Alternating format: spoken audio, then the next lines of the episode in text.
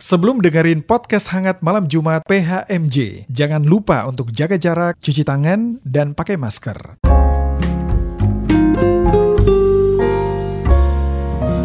Podcast hangat malam Jumat. Selamat malam Sobat Hangat, selamat bertemu lagi di Podcast Hangat Malam Jumat.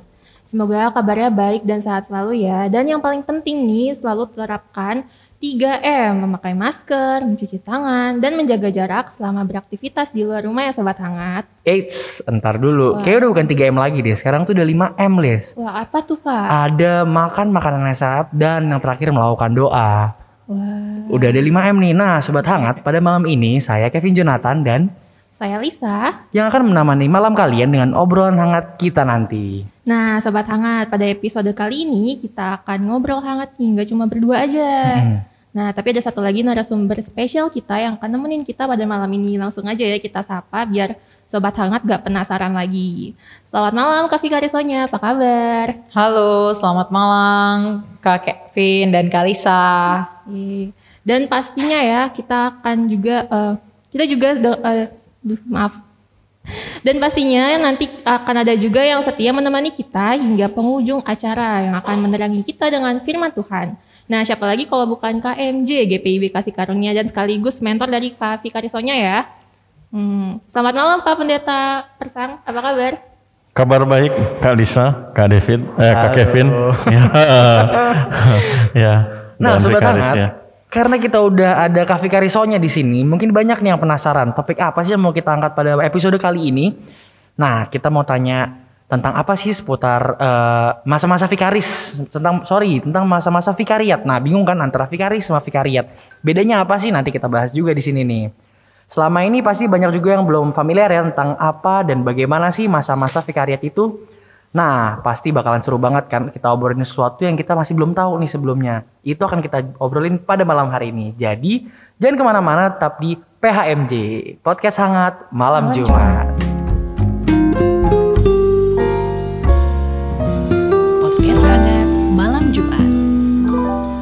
Sobat Hangat kembali lagi di Podcast Hangat Malam Jumat. Nah, Sobat Hangat, tadi kan kita udah tahu ya siapa siapa sih narasumber kita pada malam hari ini. Kayaknya belum lengkap nih kalau kita belum kenalan. Lebih dalam lagi dengan Kak Vikarisonya. Oh iya, by the way, eh narasumber kita tuh eh, yang sekarang adalah Vikaris dan mantan Vikaris. Betul ya, Pak Pendeta? Sebagai mantan Vikaris yang ada malam hari ini. Oke, baik lagi. Eh, Kak Vikarisonya, kita eh, mau nanya-nanya banyak nih sama Kak Vikarisonya. Eh, kalau boleh tahu Kak Vikaris asal dari jemaat mana sih Kak? Iya, thank you Kak. Eh, sebelumnya aku ini asal jemaatnya di GPIB Pengharapan Cibinong gitu. Oke, pengharapan Iya. Cibinong ya Kak ya? Iya, Cibinong tuh di Kabupaten Bogor. Soalnya kalau dilihat di peta ya jarang orang lihat gitu Hmm. Kak. Mm. Terus em, kenapa nih Kak? Eh, kalau misalnya kita boleh tahu nih, kenapa sih eh, pengen jadi pendeta? Apa apakah itu cita-cita dari kecil atau gimana nih Kak Vikaris? Aduh, kalau ditanya kenapa pengen jadi pendeta, ini jadi pertanyaan wawancara waktu aku mau masuk kuliah, Kak. Balik lagi berarti ya? Iya, eh, jadi sebenarnya kalau ditanya kenapa mau jadi pendeta, ya panjang kak ceritanya gitu. Jadi ini berkaitan sih kalau aku cerita ini akan menjawab ini cita-cita dari kecil atau enggak gitu. Hmm. Nah kalau misalnya ditanya kenapa pengen jadi pendeta, jadi ceritanya eh, dulu itu saya nggak tahu nih kak waktu SMP gitu kan. Saya nggak tahu nih, aduh enaknya jadi apa ya mah gitu. Tadi itu tanya ke mama gitu obrolan di sore hari gitu. Nah terus ketika nanya gitu sama mama, mama bilang oh jadi pendeta aja atau enggak jadi eh, pengacara kata mama gitu. Nah terus eh, aku tanya kenapa kok mama bilangnya gitu gitu. Karena mama bilang gini karena eh, menurut mama mama tuh tahu kalau kamu tuh orangnya nggak suka angka-angka, kamu lebih suka ngehafal gitu. Oh. Karena dalam pikiran mama saya waktu itu jadi pendeta itu yang ngehafal ngehafal gitu. itu waktu itu gitu.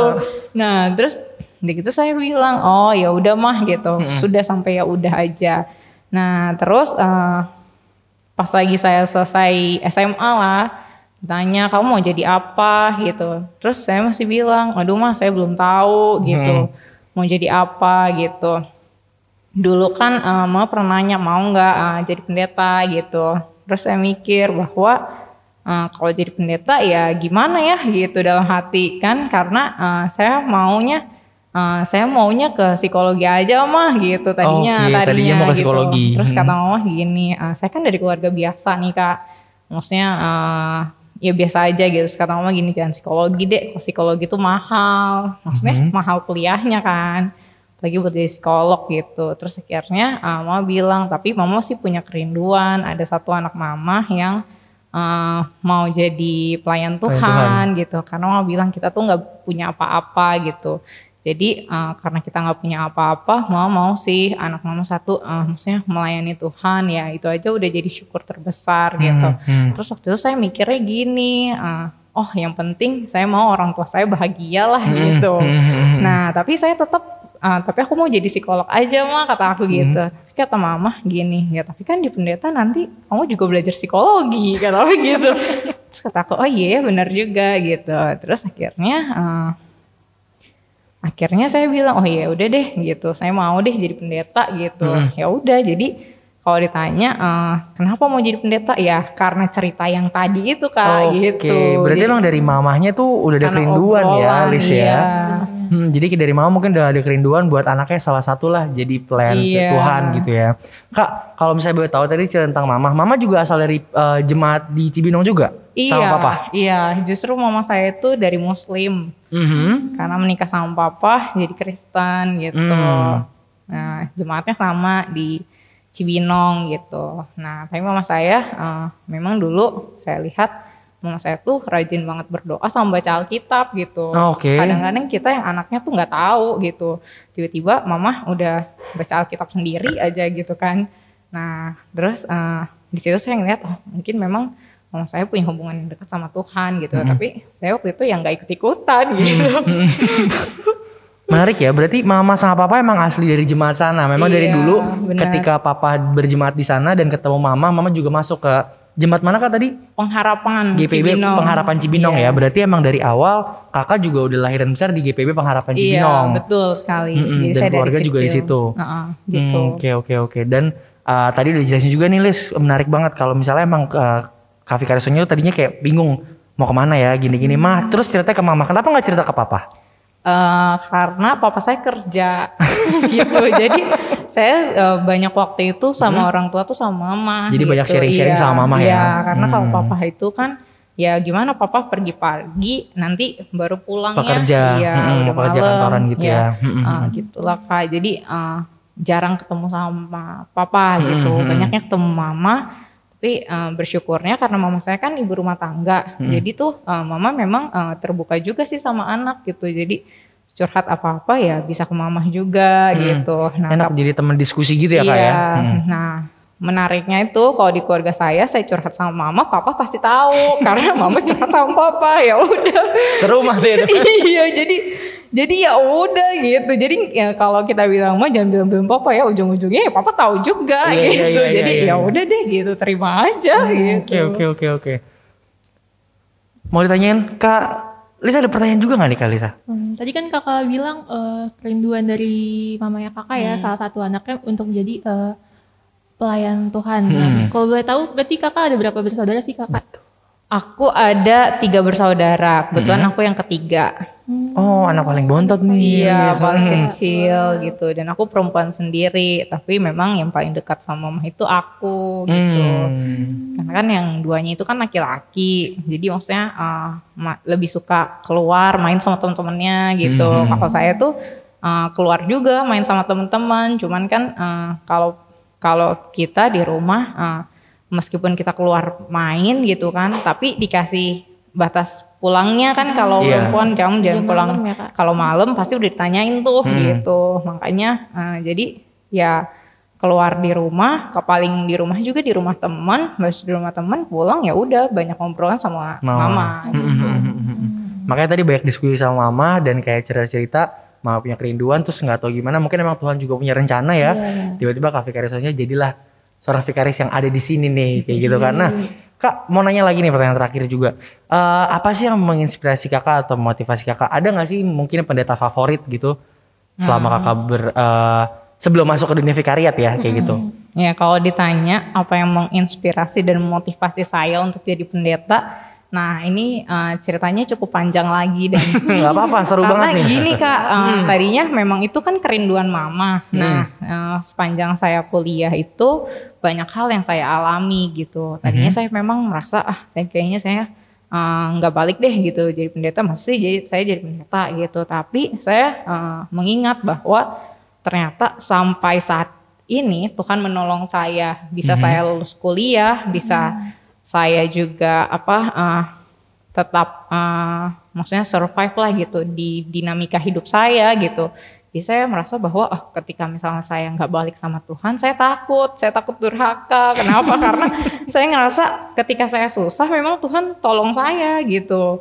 Dan pertolongan Tuhan itulah yang eh, saya sadarinya tuh ketika saya selesai kuliah gitu Oke. Iya, makanya ketika saya mau apa tes vikariat itu saya bilang kalau misalnya eh, saya masuk Tuhan panggil, kalau enggak ya udah gitu. Hmm, oke karena oke. saya merasa bahwa saya kembali menjadi vikaris itu karena saya merasa saya udah ditolong Tuhan sih Hmm, gitu intinya. Jadi bukan lagi saya ngerasa bahwa saya mau jadi pendeta gitu, tapi enggak, tapi saya merasa oh Tuhan selama saya kuliah udah menolong saya sebegitu rupa masa saya nggak bisa bersyukur sih gitu buat balik lagi gitu layani Tuhan gitu. Hmm. Jadi jangan sampai apa yang saya sudah terima nih berkat-berkat Tuhan ini terus apa eh, karena saya nggak tahu diri saya jadi jadi ke mana-mana saya jadi durhaka gitu. Itu jadi makanya kenapa Iya. saya balik lagi? Kenapa? Karena orang tua saya meskipun punya kerinduan gitu nggak memaksakan. Jadi pas saya mau tes vikaris itu mama saya bilang kan saya bilang ke mama mah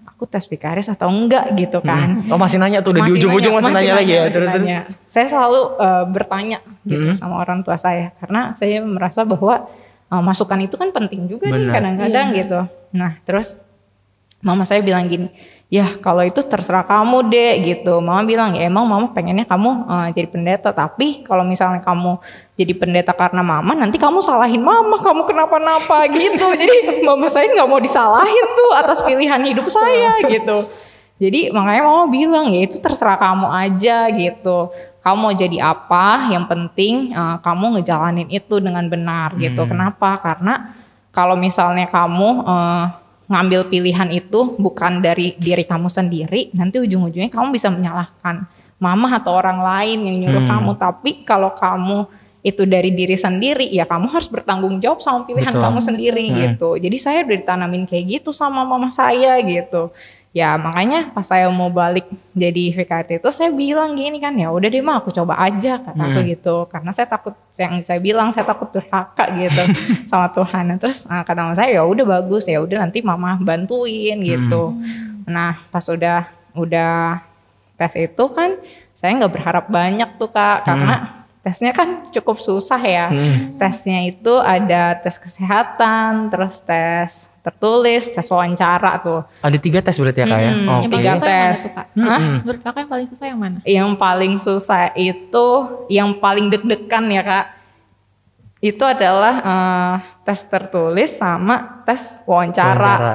wawancara kan sama fungsionaris majelis sinode jadi deg-degan lah gitu kita tahu di hadapan kita orang-orang besar siapalah kita yang berbicara dengan mereka gitu kan nah terus em, makanya eh, ketika kita apa saya menjalani tiga tes itu kan saya nggak berharap banyak waktu itu gitu. Saya eh, bilang aja sih sama orang tua saya ya udah mah yang penting kan udah coba gitu. Masuk gak masuk ya itu terserah deh gitu. Terserah Tuhan gitu kan. Eh, karena eh, menurut saya kalau misalnya saya eh, nggak masuk saya punya planning kan apa nih yang saya harus lakuin gitu. Saya tipe orang yang kayak gitu sih gitu.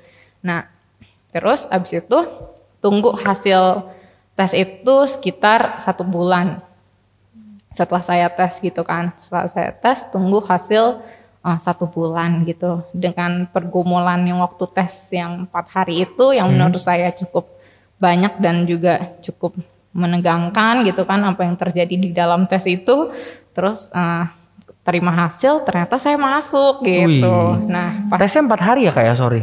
eh tiga hari sih Oh, tiga oke. hari sorry sorry tiga hari ya nah tiga hari nah terus Eh, ternyata saya masuk. Nah, pas saya masuk, saya bilang lah ke mama saya, mah ternyata aku masuk gitu. Terus kata mama, oh ya udah deh, jalanin gitu. Eh, terus eh, kata mama sih cuma bilang gini ya mungkin aja memang panggilan kamu di situ gitu. Nah, terus kata saya, oh ya udah mah gitu. Ya udah saya jalanin deh gitu. Saya jalanin, tapi sambil saya doakan gitu. Saya tetap berdoa sama Tuhan. Saya bilang gini, Tuhan kalau memang uh, Tuhan mau saya uh, menjalani hidup saya di sini gitu, tolong uh, apa uh, berikan saya kekuatan itu aja gitu. Kenapa? Karena uh, saya menyadari sebagai manusia itu uh, susah lah gitu jadi vikaris gitu kan bagi saya ya kak. Saya kan udah ngerasain waktu saya praktek Iya. praktek waktu kuliah gitu kan uh, berada di jemaat kayak gimana maksudnya nggak mudah gitu kan kayaknya jadi saya pas lagi masuk itu ya udah saya cuma bilang ah kalau memang Tuhan mau saya di sini tolong beri saya kekuatan, Kekuatan. aja biar saya mampu untuk menjalani hal ini dengan baik gitu gitu sih Gitu. Kak, aku mau nanya uh, sesuatu yang menarik dari dari cerita kakak tadi. Kakak bilang tadi banyak banget pertolongan Tuhan waktu kakak kuliah. Hmm. Boleh gak sih kak sharing singkat aja apa sih pertolongan yang uh, yang kakak apa namanya yang kakak rasakan nih ketika kuliah? Katanya kan banyak banget sehingga kakak juga kayak pengen kayak uh, membalas Tuhan dengan mengabdi Iya, kepada Tuhan iya, gitu kan iya, jadi betul. pelayan Tuhan kayak gitu. Nah itu apa sih kak contohnya gitu? Hmm, Oke. Eh, jadi gini kak, waktu aku masuk kuliah itu, eh, menurutku keluargaku itu kan ekonominya lagi tertati-tati. Terus aku masuk nih gitu. Pas aku masuk kuliah, eh, mama cuma bilang, oh ya udah, eh, kamu masuk kuliah aja, tenang aja, tugas kamu tuh belajar gitu.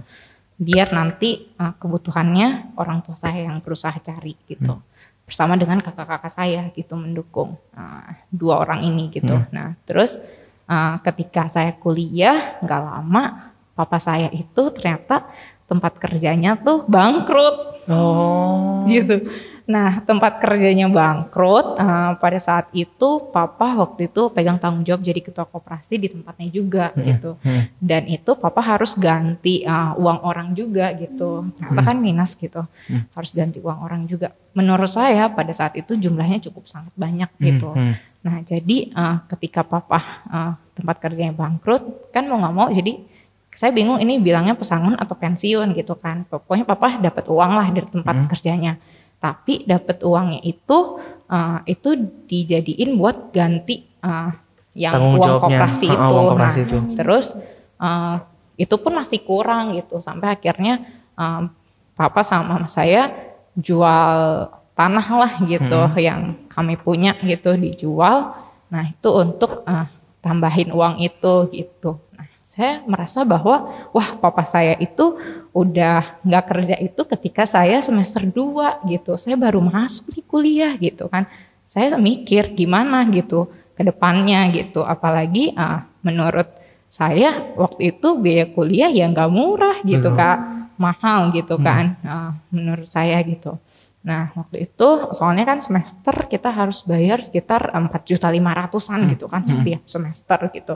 Belum akomodasi saya gitu kan akomodasi saya ketika saya ada di Jakarta gitu. Itu bagaimana ya gitu. Nah dengan kondisi yang eh, papa itu apa udah nggak bekerja gitu kan. Terus kakak saya pun ya belum settle gitu. Karena pekerjaannya belum tetap waktu itu gitu. Kakak saya yang pertama maupun yang kedua gitu. Ya jadi kan susah gitu kak. Nah ketika ada susah kayak gitu nah saya bersyukur. Maksudnya ah, saya kan memang selalu berpikir oh saya nggak mau nyusahin orang tua gitu kan jadi saya belajar gitu dengan benar gitu nah ketika saya belajar ya udah uh, ada aja pertolongan Tuhan tuh dengan saya dapat beasiswa gitu Oh, kan wow. Nah, saya Tuhan. iya Hmm. saya dapat beasiswa nah saya dapat beasiswa itu yang saya nggak sangka kan beasiswa itu di kampus saya macem-macem Hmm. ada beasiswa makan doang ada beasiswa yang buat akomodasi, Akomodasi aja, aja, iya. atau beasiswa yang bisa mengcover uang semester Hmm. gitu nah kebetulan saya bersyukurnya uh, pertama itu saya dapat uh, beasiswa yang bisa cover uang semester gitu. Oh. Tapi itu kan nggak nggak seterusnya gitu. Jadi uh, semester depan saya harus berjuang lagi dapat beasiswa lagi gitu kan. Nah saya daftar lagi. Nah saya daftar lagi. Uh, selanjutnya saya harus ke tempat praktek. Nah kalau di kampus saya praktek itu kak ongkos tiket pesawat, akomodasi selama itu buat praktek itu ditanggung sendiri kak, gitu kan lo mahal juga kan gitu, bayar semesteran, bayar praktek juga gitu, terus akhirnya uh, saya uh, pokoknya berusaha gitu, tapi berusaha sambil berdoa gitu, memang saya selalu berdoa, maksudnya Tuhan tolong uh, keluarga saya gitu, uh, tolong orang tua saya gitu kan ya, kalau memang uh, Tuhan uh, berkenan saya tetap lanjut di kuliah saya, Tuhan tolonglah gitu. Nah terus abis itu nggak lama nih kak, ketika saya apa uh, berusaha dapat beasiswa, nah saya dapat beasiswa tuh yang ibaratnya kalau bagi anak-anak kampus gitu mungkin beasiswa yang yang cukup besar Prestis gitu. lah ya, iya, Iya, ya, terus kenapa? Karena uh, di dalam beasiswa ini waktu itu saya mau mengucapkan terima kasih juga sih sama GKI Kayu Putih gitu. Jadi saya dapat beasiswa dari situ tuh uh, beasiswa yang uang semester tuh ditanggung. Terus ketika saya praktek ongkos pesawat pun ditanggung gitu kak.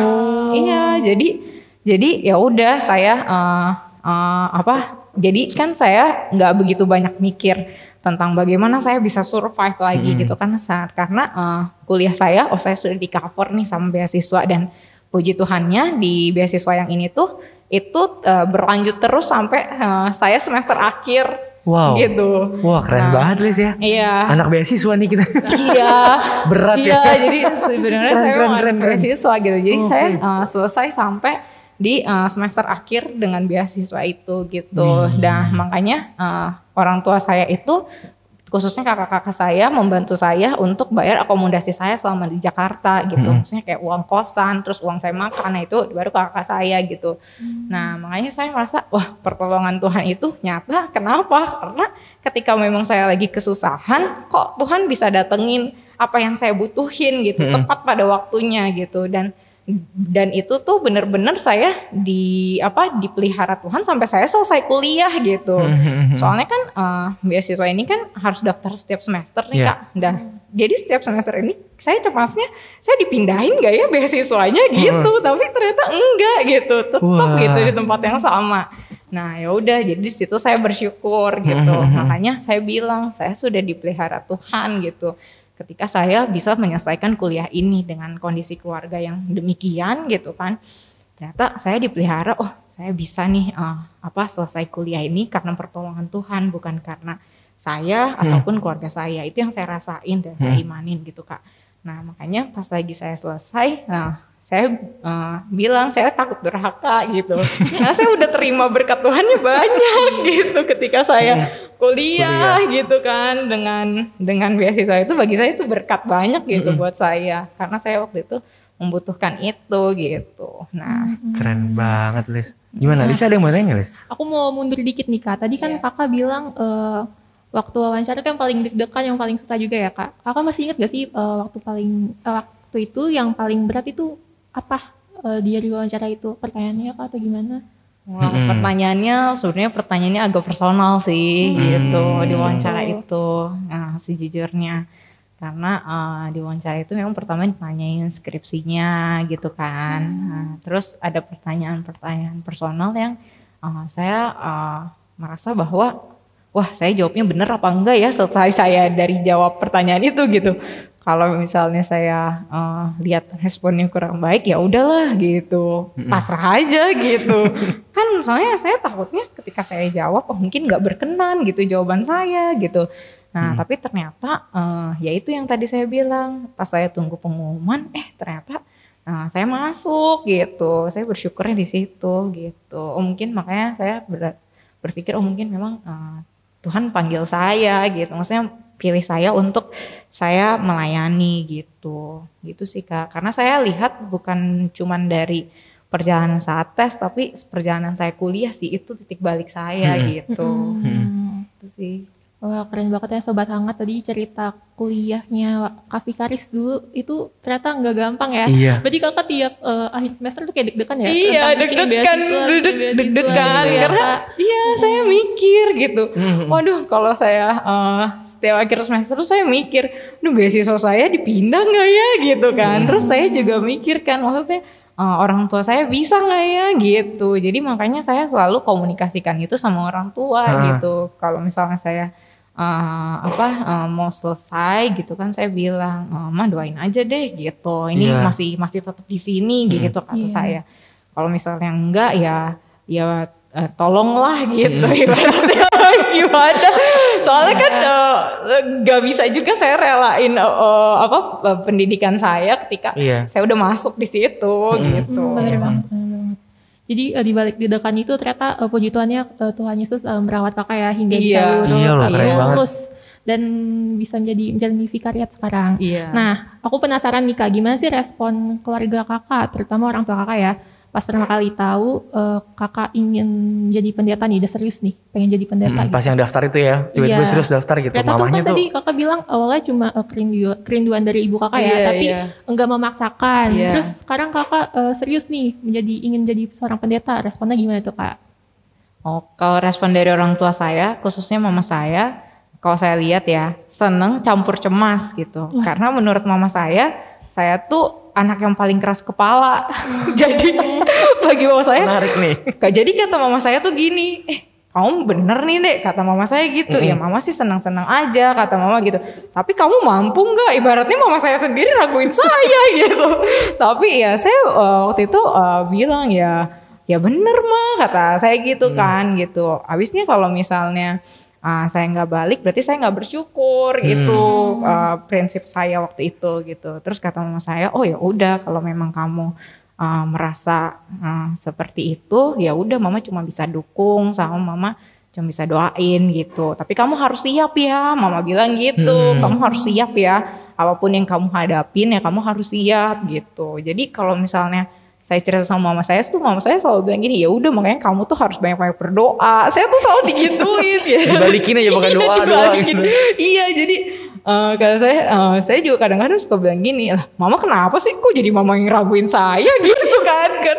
Ke kalau di orang tua saya orang tua saya mah gini nggak apa-apa gitu kalau mau diprotes atau apa. Terus eh, kata mama gini sih ya bukan karena mama tuh tahu deh dari anak-anak mama kamu tuh yang paling susah katanya gitu. Susah tuh dalam Oh. artian paling keras kepala gitu. Terus eh, manja juga gitu kan kata mama saya. Masa sih kamu bisa gitu? Makanya terus kata saya ya bisa lah kata saya gitu kan. Orang itu apa keinginan saya juga gitu.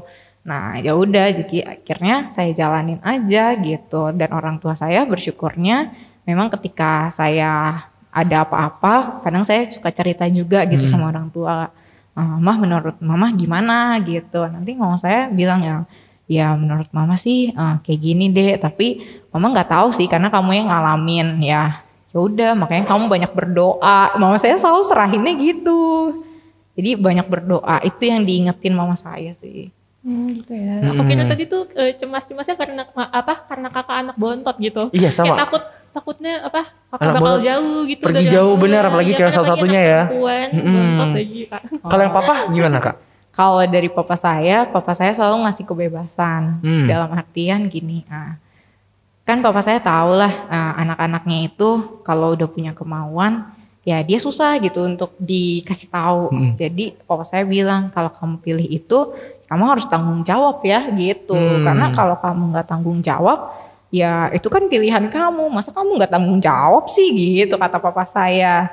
Jadi eh, jangan salah-salahin orang tua atau apa gitu karena itu pilihan kamu gitu. Jadi saya ditekaninnya tuh di situ Iya. gitu. Jadi saya mikir oh iya ya kalau saya milih ini ya berarti saya emang harus serius gitu. Tapi kan manusia itu ketika kita bilang kita mau serius pada perjalanannya ketika berat ya kita kadang-kadang eh, mikir lagi kan gitu. Iya. Kadang suka meragukan gitu iya ya. suka meragukan Di situlah gitu. papa ada buat Iya. kasih tahu kayak jalan yang kamu udah pilih kamu komitmen di situ iya, harus jalannya iya, sampai kelar. bersyukurnya saya punya orang tua yang support saya yang balance ya. itu, gitu.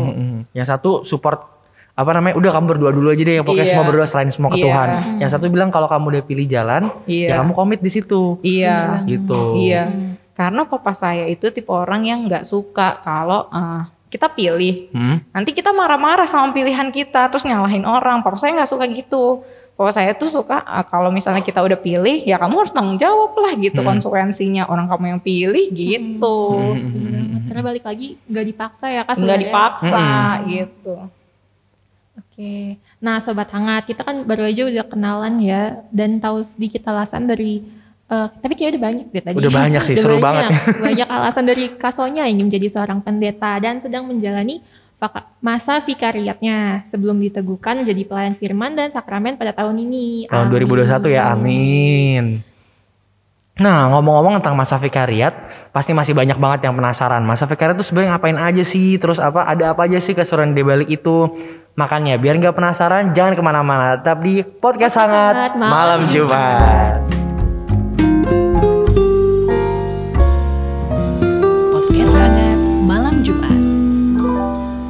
Tetap di podcast hangat malam, Malam Jumat. Nah, di segmen di segmen ini kita mau ngomongin tentang masa vikariat. Pasti selama ini kita cu- cukup sering ya mendengar kata vikaris atau masa vikariat itu sendiri. Nah, Kasonya boleh bantu jelasin ke sobat hangat eh, di rumah. Mungkin ada yang masih bingung nih, apa sih perbedaan antara vikaris atau vikariat? Apalagi kita juga kayaknya masih ada yang suka belibet ya ngomongnya Hmm. bedainnya gimana gitu. Hmm, Boleh apa sih bedanya, Kak? Bedanya Apa Hmm. sih Kak? Oh iya, Eh, mungkin ini nanti bisa jawab lebih lengkapnya oleh mentor saya ya Pak Pendeta Ruben Persang. Kira kalau saya yang deskripsiin, kalau salah nanti mohon dikoreksi ya Pak. Eh, jadi eh, kalau yang saya tahu vikaris itu adalah orangnya gitu, individunya gitu, eh, pribadinya yang sedang menjalani proses eh, perupaan. Nah, proses perupaan ini menjadi pelayan sakramen dan juga uh, pelayan firman itu uh, proses perupaan ini namanya uh, masa vikariat gitu. Itu yang saya tahu gitu. Masa vikariat. Jadi kalau misalnya kita lihat uh, kayak misalnya saya nih seseorang berarti saya vikaris gitu, sedang menjalani masa vikariat gitu. Kalau manggil saya vikariat ya berarti itu prosesnya gitu. Oh. Bukan manggil sayanya gitu. Bukan manggil individunya. Iya, bukan manggil Oke. individunya gitu. Hmm, Jadi simpelnya gitu ya, vikaris itu orangnya dan vikariat itu masa atau prosesnya. Iya. Jadi sobat hangat semoga jangan ada yang kebalik-kebalik atau belibet-belibet lagi ya. Iya. Semoga di sini udah jelas ya. Iya, udah bener, jelas. bener, bener. Hmm. Nah, aku yakin ya sobat hangat udah nggak bingung lagi perkara tadi vikaris sama vikariat bedanya apa sih gitu kan? Nah kak, berarti sekarang kan eh, kak vikaris soalnya sedang ada di masa vikariat, udah bener ya kata-katanya Iya, betul, ya? betul. Nah, eh, kakak sekarang kan kalau nggak salah lagi menjalani tahun kedua ya kak sebagai Iya. vikaris. Nah, mau tahu dong kak, eh, kalau misalnya kita boleh ajak kakak throwback dikit nih, kalau boleh ceritain kembali gimana sih kak proses sebelum menjalani masa vikariat. Jadi sebelum menjalani masa vikariat tuh ada proses apa aja sih kak dari kan kita taunya biasanya S1 ya. Uh, Iya. kuliah dulu. Tadi kan Iya. juga cerita, Kuliah tentang kuliah. Habis itu tadi ada tesnya. Nah, boleh Iya. ceritain nggak sih kak prosesnya sampai ke oke sekarang saya udah masuk ke masa vikariat. Itu tuh Oh. gimana sih kak prosesnya? Iya oke kak. Jadi eh, proses sebelum menjalani masa vikariat itu memang kita eh, perlu sekolah eh, teologi dulu gitu. Yang saya tahu kalau GPIB Mhm. eh, sekolah teologi yang diakui itu ada empat gitu. Saya nggak tahu ya itu berubah atau enggak kebijakannya. Nah empat itu sekolah yang didukung GPIB ada eh, kalau saya di kampus itu STT Jakarta, lalu ada juga eh, teologi UKDW di Jogja, Duta Wacana, terus juga ada Satya Wacana di Salatiga, sama eh, Intim di Makassar gitu. Nah, ketika kita mau masuk ke Vikaris gitu, berarti kita harus sekolah dulu nih gitu, kuliah teologi di empat eh, empat sekolah yang didukung GPIB ini gitu. Nah, nah, saya waktu itu menjalaninya kan di STT Jakarta. Nah, ketika uh, kita udah menjalani sekolah teologi, uh, selesai dari sekolah teologi, kita punya pilihan lagi nih, kita mau jadi vi- vikaris atau enggak. Kalau kita mau jadi vikaris, berarti kita harus persiapkan diri, persiapkan dirinya itu kita melamar lah ibaratnya gitu ke sinode GPIB gitu. Nah, melamar ini kita melewati tiga tes gitu. Tes yang pertama tes kesehatan dan tes kesehatan ini lengkap dan cukup krusial menurut saya gitu. Kenapa? Karena ada teman saya nggak masuk karena tes kesehatannya gitu. Nah tes kesehatannya itu kan kita medical check up lengkap gitu. Nah menariknya waktu tahun saya ternyata tes kesehatan ini termasuk dengan kesehatan mental gitu. Iya, jadi saya menjalani tes kesehatan mental. Wow. Nah eh, tes kesehatan mental itu pertanyaannya memang beda dengan psikotes Tapi itu tertulis juga kak. tertulis gitu. Jadi di rumah sakit waktu itu RSUD Tangerang kami sama-sama menjalani tes kesehatan di sana gitu. Tes kesehatan fisik udah, terus tes kesehatan mental gitu. Nah, dari tes kesehatan mental itu kan nanti bisa dilihat oh ini orangnya cenderung uh, suka lebih gampang anxiety kah atau apa gitu. Itu kan ketahuan tuh di situ gitu. Kecemasannya apa. Nah, bersyukurnya hasil saya waktu itu cukup baik gitu. Nah, terus uh, setelah Tes kesehatan. tes kesehatan dan kesehatan mental, uh, besoknya ada tes tertulis gitu. Nah, tes tertulis ini tes tertulis tentang pengetahuan Alkitab dan pengetahuan GPIB dan pengetahuan umum gitu. Itu ada di tes tertulis itu. Saya ingat banget soalnya ada cukup banyak pilihan ganda 100 terus 5 ini 5 esai gitu. Nah, itu dijawab tuh semua. Nah, setelah tes tertulis nanti ada psikotes gitu. Kalau psikotes ini, ini jalannya di kampusnya Lisa di UKI gitu. Hmm, kampus diri iya, mulis. jadi waktu itu saya iya, jadi waktu itu kami yang mau yang sedang menjalani pendaftaran vikariat itu sama-sama naik mobil waktu itu ke UKI untuk psikotes. Nah, psikotesnya ini ternyata banyak juga gitu. Kan waktu saya kuliah memang ada psikotes, tapi psikotesnya nggak selengkap ini. Ini tuh waktu itu saya psikotes jawab pertanyaan tertulis, tapi juga ada wawancara sama psikolognya langsung. Nah, itu saya alamin gitu. Selesai psikotes, baru kita wawancara sama eh, fungsionaris majelis sinode gitu gitu. Waktu yang waktu itu uh, wawancara saya ada dua orang gitu.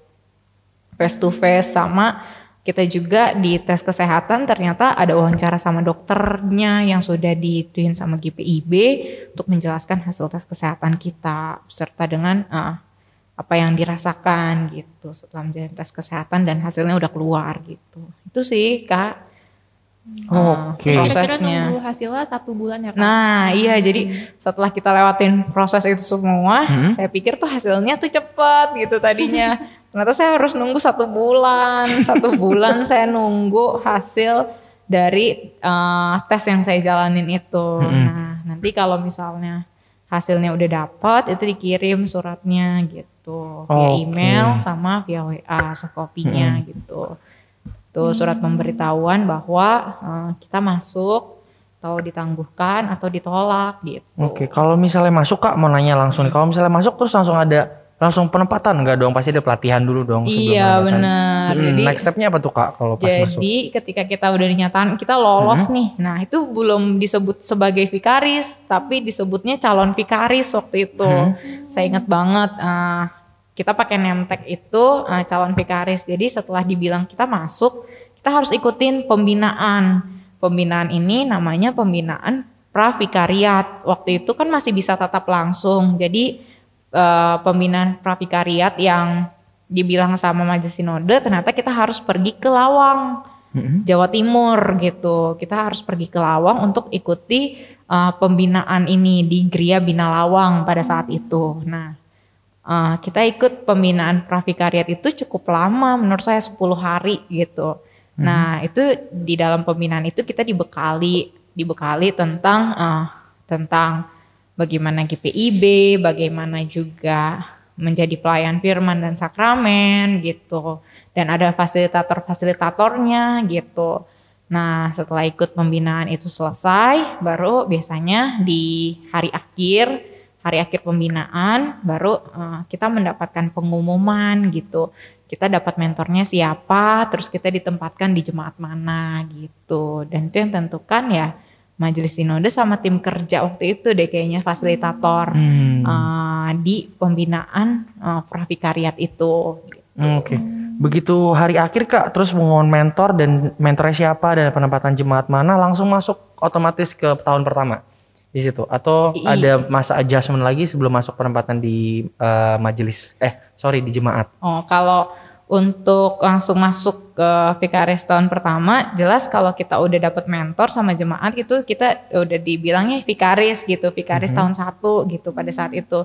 Cuman eh, untuk eksekusinya eh, di jemaat itu, itu kita bicarakan lagi dengan mentor yang kita dapat gitu. Waktu itu saya mentor pertamanya Pak Pendeta Salmon Resandalabi di Bukit Harapan Surabaya. Nah, saya ketika dapat pengumuman bahwa mentor saya beliau, saya samperin terus ka- kata Pak Pendeta waktu itu bilang bahwa eh, kamu boleh pulang dulu untuk ambil barang-barang gitu. Saya dikasih waktu untuk pulang baru saya balik lagi ke Surabaya gitu untuk menjalani masa vikariat eh, tahun pertama gitu. Oke, nah sebelum kita bahas yang tahun pertama tahun kedua nih, Lis, mungkin ada banyak banget teman-teman kita yang dengar di sini atau mungkin uh, ada orang-orang yang punya kerinduan juga nih, uh, pengen jadi uh, vikaris nih, gimana sih apa aja sih masih bingung segala macam. Nah dari tadi aku udah tulis nih inti-inti inti-inti tadi pokok bahasannya itu apa. Jadi kalau misalnya boleh diulang sedikit aja, Iya. akan uh, kit- uh, ada empat kuliah teologi ya di, Iya. di yang yang diakui sama GPIB ya. Pertama Iya, tuh katanya yang ada eh, yang didukung, sorry. Yang didukung itu ada STT Jakarta, Teologi UKDW Jogja, terus ada Satya Wacana di Salatiga sama Intim di Makassar. Iya, Bener ya betul, Kak ya? Kak. Jadi maksudnya ke kuliahnya di situ gitu Iya. kalau mau jadi vikaris di GPIB. Iya. Terus setelah selesai sekolah nggak langsung bisa vikaris nih. Nggak eh, setelah saya sekolah masih bisa pilih ya mau vikaris atau enggak. Iya bener kak. Kalau misalnya nggak jadi vikaris jadi apa tuh kalau misalnya boleh tahu Kak? Kalau nggak jadi vikaris ya itu pribadinya mau jadi apa terserah. Mau dia lanjut kuliah lagi gitu Hmm. kan, atau dia mau jadi guru pendidikan Kristiani gitu.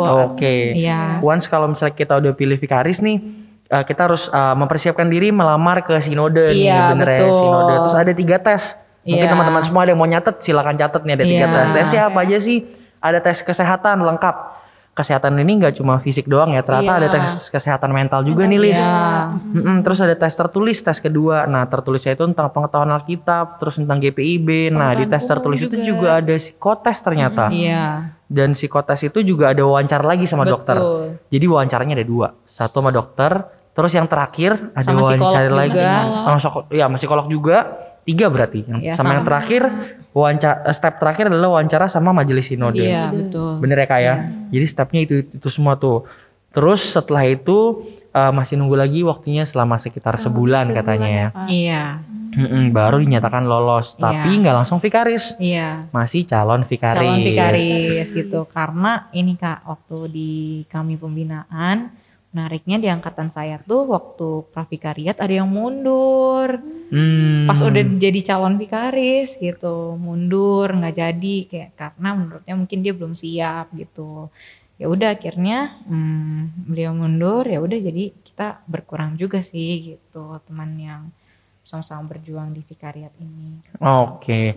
Baik kalau kayak gitu tuh berarti balik lagi ke individu masing-masing ya Mas. Iya. Hmm. masih mau terus atau enggak Iya iya iya terus habis itu ada pembinaan pravikariat juga nih Lis Hmm, tadi selama kurang lebih 10 hari. ya. Hmm.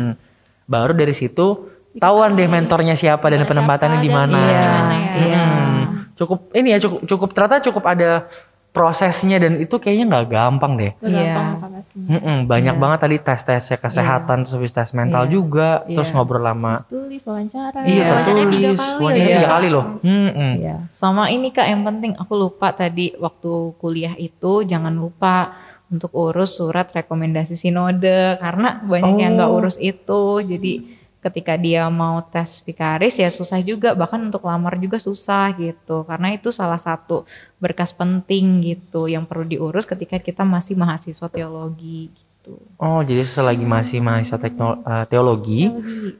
itu harus menulis eh, surat rekomendasi dari Sinode. majelis sinode. Iya. Menarik ya, Liz ya. Nah gimana nih Sobat Hangat? Saya udah jelas banget ya proses dari awalnya dari kuliah, terus eh, wawancara, terus eh, apa tadi yang 10 hari? itu yang 10 hari itu ada pembinaan. Oh ya pembinaan. Pembinaan Pravikari. Nah, sampai akhirnya eh, ditet- eh, tahu ya eh, bakal dapat mentornya siapa Mm. dan jemaatnya di mana tahun pertamanya. Nah dan semoga eh, tadi udah ada yang nyatat-nyatat ya selain Kak Keju semoga ya Kak.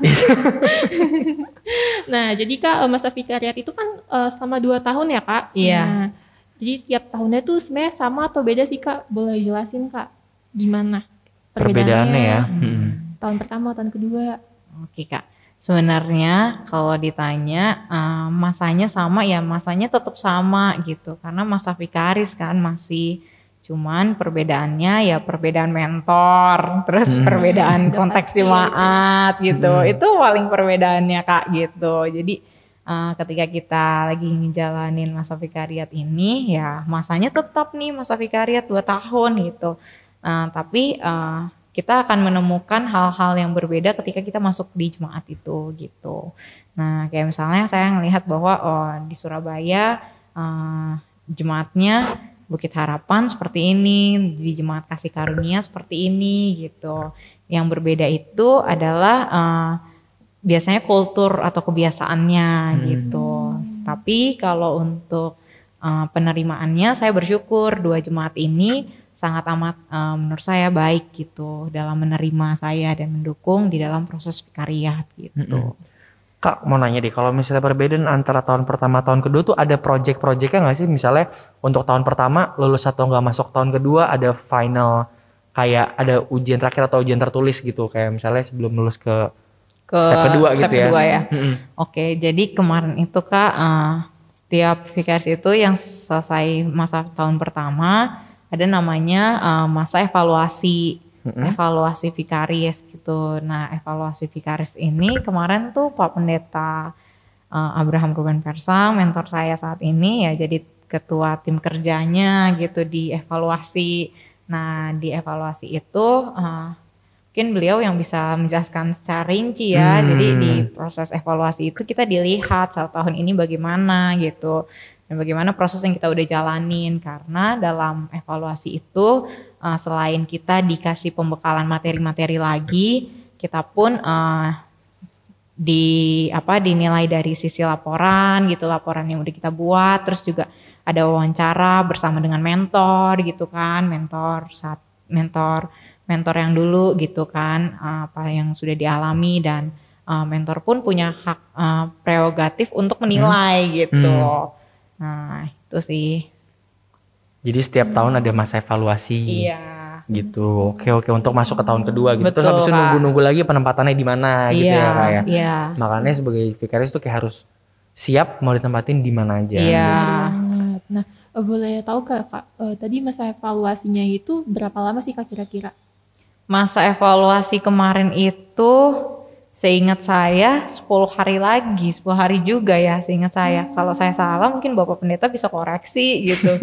Karena nggak sampai dua minggu sih seingat saya gitu. Hmm. Eh, eh, di masa itu memang ada juga sih yang dinyatakan lulus, ada yang enggak sebenarnya gitu. Tapi puji Tuhan kemarin saya dengan rekan-rekan vikaris yang lain yang sedang berproses, kami masuk ke tahap kedua semua gitu. Hmm. Dan menarik, ini menarik karena evaluasi ini biasanya kan kita datang langsung dan kita bertemu dengan eh, calon vikaris-vikaris yang baru. Tapi karena kita evaluasi yang di masa pandemik gitu, jadi kemarin evaluasi kami secara daring gitu. Oh dan iya. ya dan eh, belum ada eh, calon vikaris lagi gitu. Baik yang beda ya prosesnya semua di adjust karena Iya. masa pandemi ini ya. Hmm.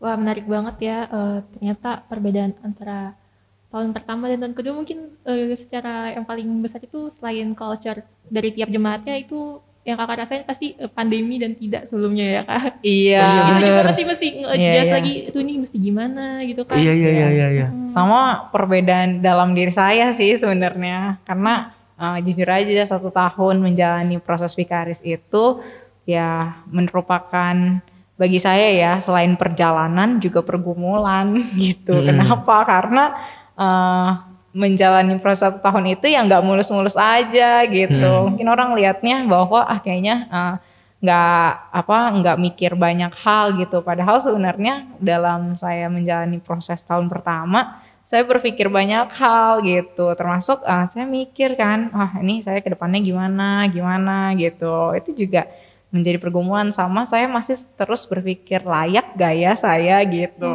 Itu sih yang saya pikirkan gitu. Hmm. Nah tadi udah banyak banget dan seru banget nih eh, apa namanya perbedaannya segala macam dan Perbedaannya, prosesnya juga prosesnya. panjang banget tadi. Mungkin sobat hangat banyak banget yang udah mulai sampai sekarang udah banyak nyatet ya. Terus apa namanya udah mulai tahu lebih banyak lagi nih tentang masa Iya. vikariat. Nah, ada banyak lagi topik yang kita akan bahas nih di uh, podcast hangat malam Jumat sekarang. Jadi jangan ke mana-mana, tetap di podcast, Podcast hangat Hangat malam, Malam Jumat. Jumat. Podcast hangat malam Jumat. Kembali lagi di podcast hangat Malam Jumat. Nah, sobat hangat, eh, seperti yang kita udah dengar tadi ya sebelumnya, jadi banyak banget eh, yang dilakukan oleh seorang vikaris di masa vikariatnya. Nah, nggak hanya pelayanan di jemaat dan tapi banyak juga ya literatur yang harus dipahami dan tugas-tugas eh, di luar pelayanan fisik yang tentunya harus diselesaikan. Nah, sebagai vikaris pasti banyak kegiatannya ya kak, pasti harus pinter-pinter bagi waktu. Nah, boleh tahu nggak sih kak gimana cara kakak bagi-bagi waktu untuk melayani tugas-tugas kakak dan pelayanan kakak? Apalagi tadi eh, sempat disebut juga ya ada laporan ya kak. Mm-mm. Iya, benar. Bikin laporan tuh susah nggak sih kak? Apalagi kayak kegiatannya juga gitu kak. Bagi-bagi Mm-mm. waktunya gimana kak? Oke, thank you untuk pertanyaannya. Sebenarnya eh, untuk tugas-tugas itu memang selain pelayanan kami harus buat laporan, namanya laporan triwulan gitu. Nah di dalam laporan itu kami harus baca buku gitu. Setiap bulan kami harus baca satu buku gitu. Nah eh, buku ini bermacam-macam, ada yang bahasa Indonesia, ada juga yang bahasa Inggris gitu. Eh, jadi eh, menariknya ketika kita baca buku ini kalau yang bahasa Indonesia ya mungkin lancar lah gitu. Tapi kalau pas bagian bahasa Inggris waduh saya suka ini sih baca ditemani dengan Google Translate di sebelah saya gitu. Karena ya, jujur aja ya maksudnya memang waktu kuliah kami juga udah terbiasa dengan literatur bahasa Inggris gitu. Tapi kan eh, namanya kita mau memahami yang bukan bahasa kita saya takut salah pengertian. Jadi saya selalu buka lah gitu untuk saya juga ngelihat gitu. Memang bahasa Inggris saya juga nggak begitu bagus-bagus amat. Nah terus eh, di literatur ini kami juga ada namanya di laporan ya eh, bikin eh, laporan buku terus kami harus bikin pojok warta. Itu konsultasi dengan bapak mentor lalu eh, bikin catatan harian eh, dan juga bikin eh, namanya karya tulis gitu. Karya tulis itu adalah hasil refleksi uh, selama kami menjalani tiga bulan vikariat gitu biasanya. Nah terus ada juga uh, lampiran-lampiran seperti kayak khotbah gitu itu dilampirkan sama kita bikin mind mapping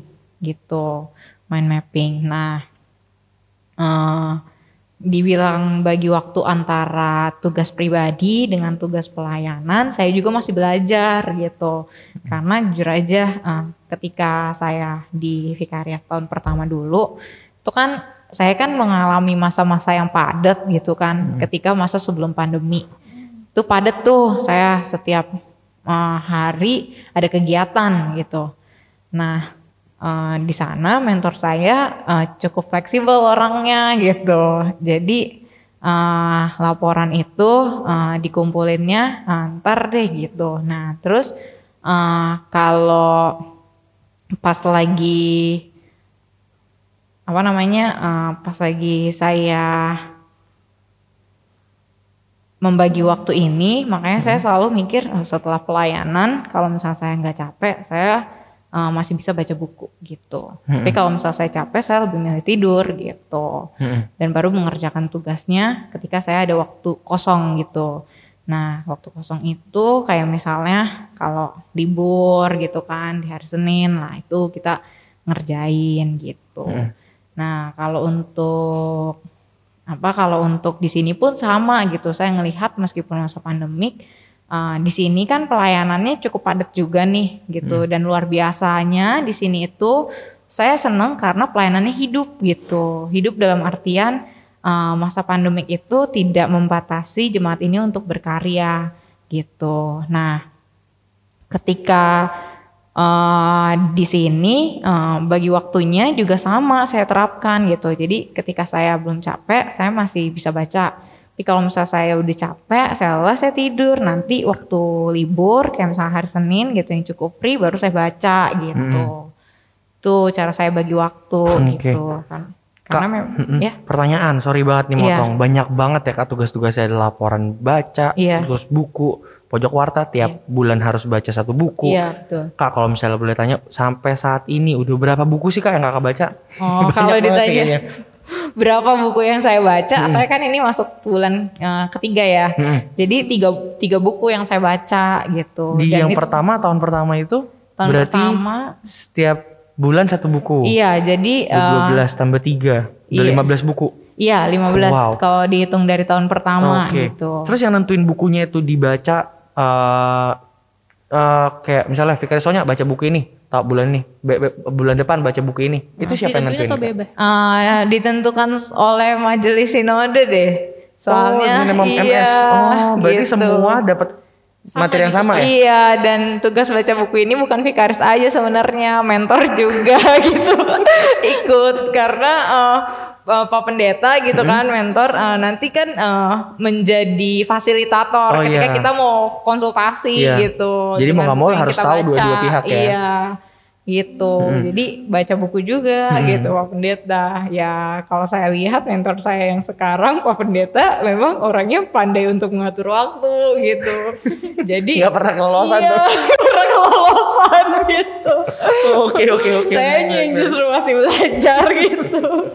Nah, Atur Kak, waktu. berarti udah jelas tuh habis baca buku berarti eh, harus diapain tuh isi bukunya? Harus dituliskah masuk yang dalam apa namanya? ka- karya-karya kakak atau harus diapain tuh bukunya? Atau cuma didiskus aja? Dibikin laporan buku, Kak. Oke. Oh, laporan tiap bulan ada Iya, laporan buku. laporan buku. Oke, oke.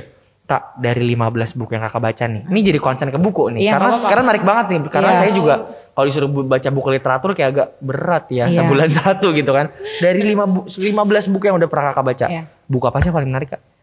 Kalau ditanya buku apa yang paling menarik, menurut saya selalu menarik gitu. Oke. Kenapa? Karena setiap buku itu mengangkat satu isu yang mungkin masih tabu di dalam gereja gitu. Oh. Iya, dan Oke, oke, oke. dan itu menjadi uh, sumber juga bekal bagi saya melihat oh realitanya ternyata teologi sudah berkembang sedemikian gitu. Hmm. Tuh, karena buku-bukunya yang buku-buku teologi gitu. Wih, Sih. mantap ya. Oke, Mantap, mantap. Kak, pertanyaan lagi nih. Aduh, jadi banyak nanya nih. Sorry ya, Lis ya. Apa. Nah, Kak, kalau misalnya eh, aku boleh tanya, kemarin Kakak waktu di sebelumnya itu, sorry, sebelumnya itu di Bukit Harapan, Surabaya. Surabaya. Nah, di Bukit Harapan Surabaya kan Kakak ada fase tuh di mana sebelum pandemi sama sesudah pandemi. Iya, Iya. dong. Kakak datang ke sini kan udah masa pandemi nih. Iya. Nah, Kak, apa aja sih yang berubah di situ? Maksudnya yang terang-terang kelihatan nih tadinya udah bisa eh, tektokannya udah enak nih ketemuan segala macam, udah tatap muka semua, terus tiba-tiba Tiba-tiba pandemi. der datang pandemi terus lang- harus langsung stop semua jadi daring semua adjustment lagi semua dari awal gimana caranya Itu Gua berubah cerita, banget Kak. sih kak Pasti keadaannya. sih. Berubah banget. Jadi awalnya sebelum pandemi saya tuh kegiatannya memang padat gitu kan. Setiap minggu padat, setiap hari padat gitu. Hmm, masuk kantor juga kan. Nah, Hmm. Jadi waktu sebelum pandemi itu saya ada masuk kantor dari jam 8 sampai jam 4 gitu. Terus eh, saya juga pimpin ibadah pelkat, ibadah rumah tangga, itu kan per sektor masih. Terus eh, ibadah hari Minggu gitu kan. Terus belum lagi kalau ada latihan-latihan gitu. Terus eh, jalan bareng sama anak-anak GP gitu. Tuh padet kan, padet banget gitu. Nah, setiap setiap eh, harinya saya hampir mikir 24 jam itu kurang gitu dulu. Nah, terus ketika masa pandemi nih Kak, langsung berbanding terbalik jeng gitu. Hilang semua jadwal-jadwal. Oh, off, iya, hilang semua jadwal-jadwal. Off semua gitu.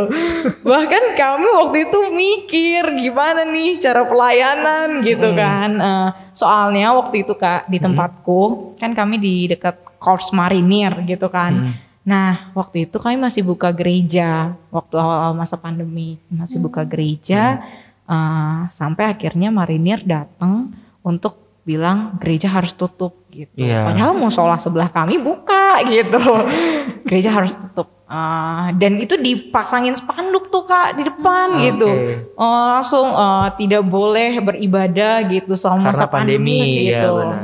Oke, jadi tutuplah itu gereja eh, baru dipikirkan gimana nih caranya. Awalnya eh, Pak Pendeta Salmon gitu mentor saya awalnya bikin eh, versi rekam-rekam gitu kak. Rekam-rekam tuh eh, rekam suara eh, lalu dibagikan di WhatsApp jemaat gitu. Terus eh, ke sini ke sini mulailah cari anak-anak pemuda yang eh, bisa memfasilitasi ibadah online gitu. Kami belum ibadah streaming waktu itu. Ke channel Bukit Harapan sampai sekarang belum ibadah streaming. Karena eh, peralatan yang kami punya itu hanya kamera. Jadi kami bisanya rekaman gitu kak. Nggak bisa streaming gitu. Nah terus akhirnya eh, kami bikin pelayanan versi rekaman. Jadi ibadah hari minggu direkam terus eh, ibadah PLK direkam ibadah PA direkam sama ibadah PT pun direkam. Semuanya direkam gitu via rekaman ibadah hari minggu semua. Nah, saya mikir, ah, kan saya jadwalnya hanya rekaman waktu itu, gitu kan. Rekaman itu juga dibuatnya seminggu satu kali, gitu. Kan ada mahasiswa kan waktu itu di tempat saya, jadi bagi tugas gitu. Wah banyak tuh waktu kosong saya, banyak banget kak gitu. Malah saya kan dulu tinggalnya di ruang serbaguna, ada namanya guest house gereja gitu kan. Saya tinggal di situ, yang tadinya itu tempat saya rame gitu anak-anak suka main gitu kan suka mampir ya udah jadi kosong gitu. Saya sendirian aja tuh ya ampun kata saya. iya merasa banget ih saya sendiri aja di sana. Ya udah terus eh saya mikir apa nih yang bisa diperbuat gitu kan. Di pelayanan kebetulan ada kakak layan PT gitu kan. Kami cukup dekat. Terus kayak bilang oh kita bikin ini yuk. Eh, eh, namanya eh, PT Time. PT Time itu eh, eh, jadi di situ kita pakai Zoom gitu kan daring tapi cuma sharing gitu. Sharing aja kita mau say hey hello sama anak-anak PT-nya karena PT nih. iya Hmm. karena pada saat itu di sana ibadah pun dibikinnya rekaman kan online. Jadi kita nggak ada interaksi sama anak-anak gitu.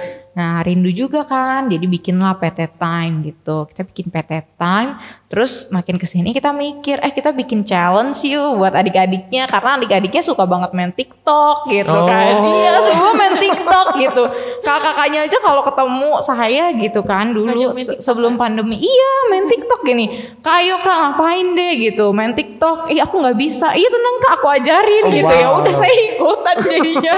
Mau nggak mau. Padahal saya nggak punya uh, user akun TikTok gitu. Tapi ya ikutan mereka lah gitu. Jadi main TikTok tuh kira uh, kita bilang uh, kita bikin challenge aja. Mereka kan suka main TikTok nih bikin aja challenge apa yang misalnya dilakukan ketika kamu mau berdoa gitu. Nanti mereka bikin TikToknya sendiri gitu. Terus kita bikin eh grup sharing PT itu mereka suruh masukin ke situ. Terus abis itu kakak layannya nanti yang memfollow up untuk eh, update itu di Instagram PT-nya Bukit Harapan. Dulu gitu kami gitu bikin challenge challenge gitu gitu dan kakak-kakak PT-nya itu eh, bersyukurnya saya mereka excited. Karena ketika saya ajak itu mereka tuh langsung oh yaudah kak kalau gitu kita eh, persiapan atau kita rapat ya gitu setiap Senin gitu. Jadi kita rapat via fit call gitu. Oh. fit call WhatsApp kan bisa berlapan tuh. Ya udah kita fit call aja gitu. Fit call ngomongin gimana gimana gitu. Untuk sharing PT ke depan gitu. Nah itu sih yang saya lakuin ketika uh, masa-masa pandemik gitu. Karena kan masa pandemik nggak bisa ke mana-mana waktu itu. Nggak bisa ngapa-ngapain. Bahkan ketika saya mau beli makanan aja gitu kan saya harus uh, memikirkan saya meminim- meminimalisir ketemu orang gitu.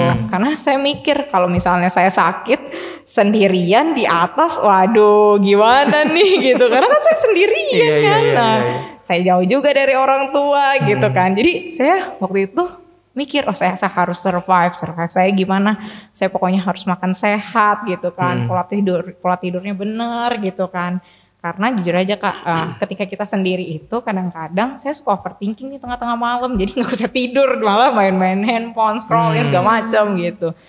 Tapi hmm, ketika saya mulai mikir, oh saya kan sendiri di sini, jadi saya harus bisa survive gitu. Survive-nya saya nggak mau sakit, saya nggak mau ngerepotin orang gitu. Itu yang pikiran saya. Jadi ya udah saya atur pola hidup saya lagi gitu. Saya tidur dengan cukup, bangun pagi, terus saya lakuin apa aja gitu saya lakuin gitu.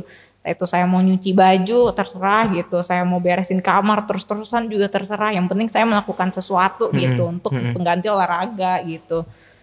Situ saya makan sehat gitu. Waktu sendiri di sana eh, bersyukurnya eh, saya bisa masak sih di sana gitu. Meskipun masaknya ya masak masak masak masak sembarangan gitu. Masak Indomie kak. iya namanya juga masak anak kos saja gitu. Indomie. iya gitu lah kak.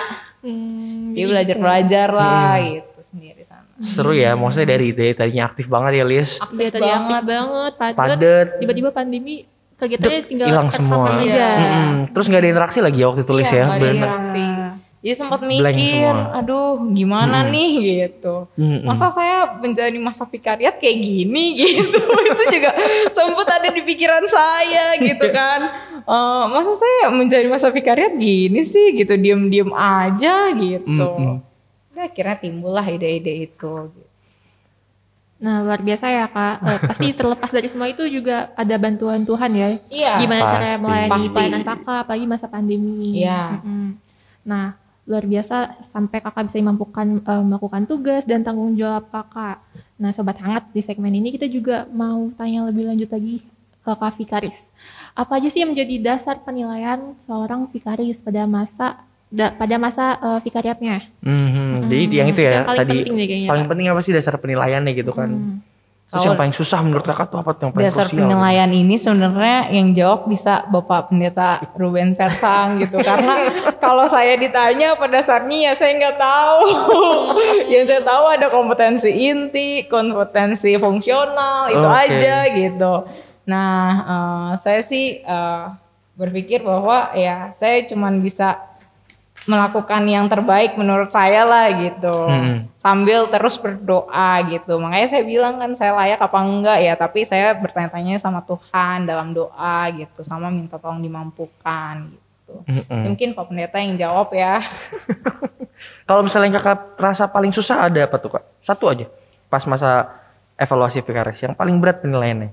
Topik apa tuh? Satu aja. kalau boleh eh, bukan pas masa evaluasi vikaris sih tapi yang paling susah dalam menjalani masa vikariat Oh, in general berarti ya? Iya, Oke, karena- versinya kakak paling satu itu. Iya, karena gini kak, sebelum jadi vikaris, ya pola hidup kita kan, baratnya kita nggak jadi sorotan orang nih, ya bisa suka-suka gitu kan, bisa yang lainnya. Tapi ketika kita jadi vikaris, ada koridor-koridor yang perlu kita pegang gitu. Hmm. Kita dibentuk gitu untuk menjadi pribadi yang benar. Nggak bisa lagi nih, ah, saya misalnya ah, jadi vikaris, tapi saya uh, tidak menjalani hal-hal yang baik gitu, nggak bisa gitu. Jadi uh, yang menurut saya paling berat itu dalam masa vikariat itu adalah menyangkal diri mengikut Tuhan. Nah itulah yang paling berat gitu. Iya, iya, iya. iya. Hmm, bener banget itu yang paling berat sih pasti ya. Gak, gak cuma apa menjadi seorang vikaris doang ya. Kayak kita semua orang juga pasti eh, buat menyangkal diri itu. banget sih. betul sekali kak. Apalagi tiap hari kita berproses juga menjadi Iya, orang yang lebih baik. Lebih baik. Mm-mm. Benar, benar, benar, benar. Sama yang paling berat ini sih kak, ketika kita jauh dari orang tua. Hmm. Waktu saya di Surabaya saya tinggal sendiri, tuh saya berasa banget sih berat gitu. Karena kan kegiatan udah nggak ada gitu kan, nggak sibuk. Terus eh, saya jauh dari orang tua gitu. Setiap hari saya berpikir bahwa wah gimana nih saya di sini gitu. Dengan keadaan Surabaya yang waktu itu zona merah juga gitu. Saya takut sekali gitu. Tapi eh, nggak ada yang bisa menguatkan kan karena ya orang tua juga jauh gitu kan. Saya mau cerita, ya. iya saya mau cerita juga susah kan Dan kalau takutnya malah bikin panik mereka iya, ya. bikin benar. panik gitu. Terus aduh saya juga nggak mau ngerepotin gitu kan. Akhirnya ya balik lagi sih di situ justru eh, momen saya untuk eh, kembali mendekatkan diri sama Tuhan gitu. Mungkin ketika saya menjalani masa vikariat yang sibuk, justru saya punya waktu yang sedikit berbicara pribadi dengan Tuhan ya. Karena eh, biasa saya berbicara dengan Tuhan kan depan banyak orang gitu. Tapi saya pribadi eh, nggak punya waktu yang intens banget gitu. Tapi ketika saya udah mulai sedikit kegiatan, wah saya kembalikan pola hidup saya gitu. Dengan saya menambah waktu saya berbicara dengan Tuhan gitu. Karena di dalam kekhawatiran itu ya saya percaya bahwa Tuhan tetap ada bersama-sama dengan saya gitu. Itu sih kak. Aduh, ternyata nggak cuma tugas sama tanggung jawab yang banyak ya, tapi juga banyak juga aspek-aspek yang dilihat nih ya selama Vikaris ini gitu ya, apa aspek sehari-hari gitu ya, Lis ya. Kayak gitu nah. Topik kali ini tuh sangat topik kali ini tuh sangat seru dan menarik nih eh, bahasan cerita tentang Kak Vikaris dan masa vikariatnya yang kita dengar pada malam hari ini. Nah, sobat hangat semua, terlepas dari itu semua, kita juga ingin mendengarkan renungan singkat nih yang tentunya tidak kalah menarik. Jadi jangan ke mana-mana, tetap, Tetap di podcast hangat malam Malam Jumat.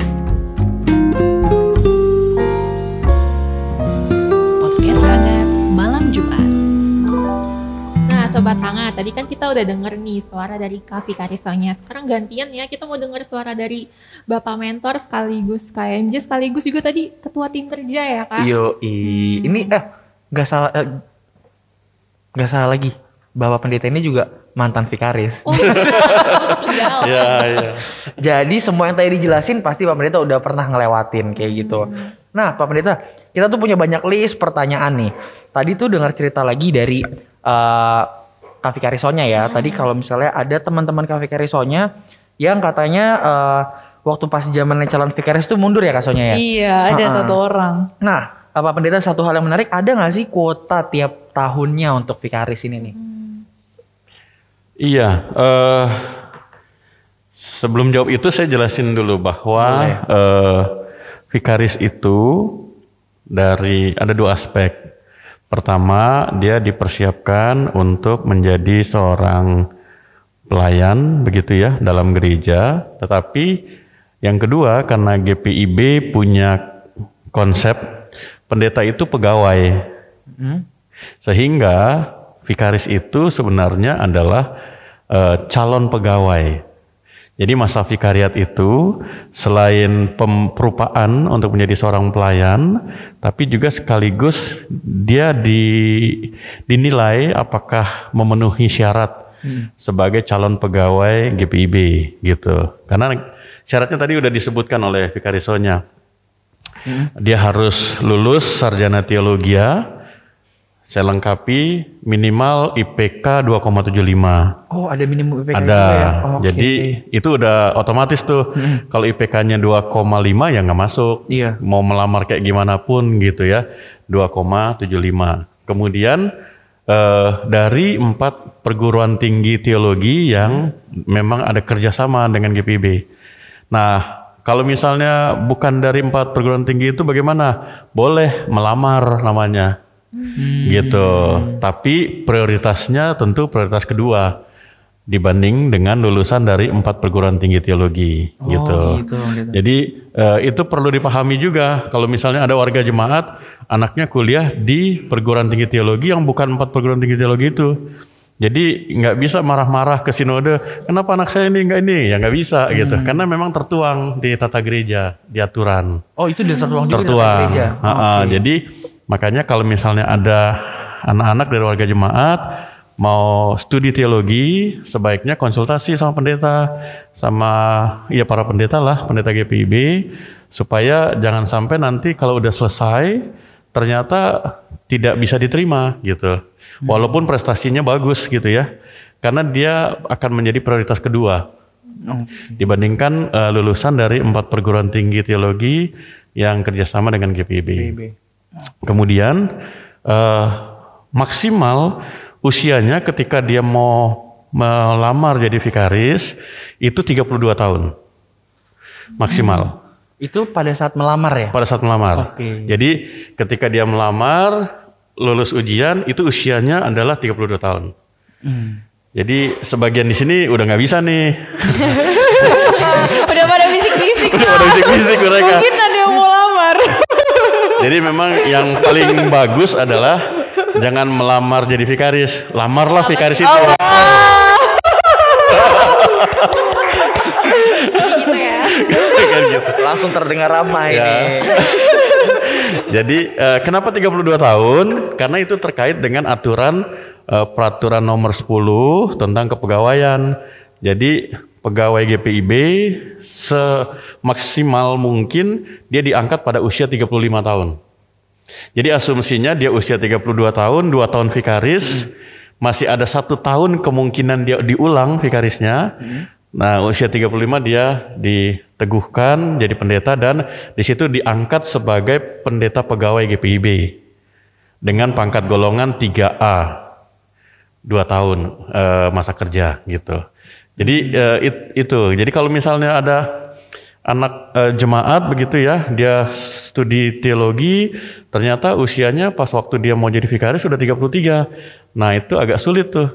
Karena udah lewat juga. Karena ya. udah lewat gitu. Minimumnya. Nah, Maksimumnya.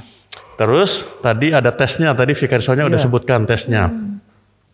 Tesnya itu eh, tes teologi, kemudian ada pengetahuan umum. Nah, pengetahuan umumnya itu adalah pengetahuan yang aktual. Jadi misalnya kalau eh, tahun ini begitu ya, Januari ini ada Presiden Amerika dari Donald Trump ganti dengan Joe Biden gitu. Itu bisa salah satu soal. Kenapa? Karena memang konsepnya pendeta atau vikaris GPIB itu harus punya wawasan luas. Jadi harus dipahami juga nih, jangan berpikir bahwa oh karena jadi calon pendeta eh, tesnya Alkitab semua enggak. Jadi ada eh, bahan yang memang sifatnya pengetahuan umum gitu. Nah kemudian memang ada tes yang agak sensitif. Tadi Vikarisonnya juga sudah sebutkan soal kesehatan fisik. Kesehatan fisik kenapa saya katakan sensitif? Karena memang teliti. Eh, beberapa kali eh, ada calon-calon vikaris, dia pintar, dia bagus gitu ya, eh, tes pengetahuannya sudah oke, tapi kemudian tes kesehatannya, misalnya ya, yang lalu eh, waktu istri saya tugas di Pinrang, itu ada eh, vikaris Sony namanya ya, kalau tidak salah. Ya dia mau tes masuk ternyata dia eh, apa sakit kuning ya hepatitis. Lalu sinode katakan eh, ya ditunda gitu, ditunda untuk satu tahun dia berobat. Nah ternyata setelah satu tahun dia masih belum selesai perobatan eh, pengobatannya. Nah tahun berikutnya dia udah lewat dari 32. Akhirnya ya tidak bisa gitu. Nah tes fisik, tes kesehatan fisik juga yang agak sensitif adalah dan itu sempat menjadi isu besar eh, yang dalam tanda petik ya menyerang GPIB yaitu soal tes keperawanan. Padahal sebenarnya bukan tes keperawanan yang terjadi itu atau yang dilaksanakan itu di eh, rumah sakit eh, UKI atau UI begitu ya. Yang dilakukan itu adalah tes kesehatan wanita. Kenapa? Karena vikaris yang lulus dua tahun itu jadi pendeta maka dia harus menjalani masa dinas untuk di pospelkes. Jadi baik laki-laki maupun perempuan, apalagi perempuan, maka dia harus dalam kondisi betul-betul sehat.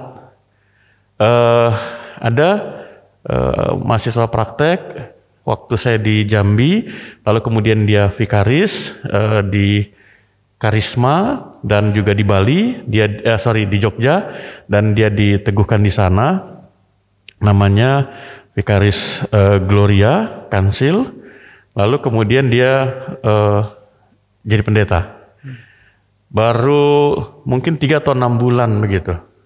Dia WA saya, dia katakan begini Pak Pendeta tolong doakan saya. Kenapa? Saya operasi kaki nih, patah katanya gitu.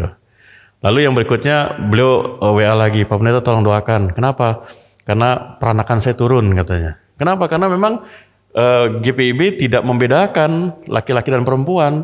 Ketika dia jadi pendeta di pos, ya dia harus jalani itu eh, ladang pelayanan itu dengan kondisi jalan berlumpur, berlubang dan lain sebagainya. Dan harus bisa naik motor, eh, lewatin eh, kebun sawit, eh, kemudian eh, rawa, nah, seperti itu. Nah, kalau kondisi apa kesehatan perempuan itu kan agak lebih rumit dan lebih lebih apa lebih sensitif gitu. Makanya ketika melamar jadi vikaris itu betul-betul diteliti gitu. Jadi yang benar adalah tes kesehatan wanita, bukan tes keperawanan gitu. Dan itu sudah diklarifikasi supaya jangan sampai eh, ketika dia jalani tugas di ladang pelayanan di pospel khususnya, eh, ya kita gereja juga nggak mau dong gara-gara pelayanan, kemudian peranakan atau rahimnya atau apanya jadi masalah gitu. Nah, kemudian eh, tadi soal tes kesehatan mental.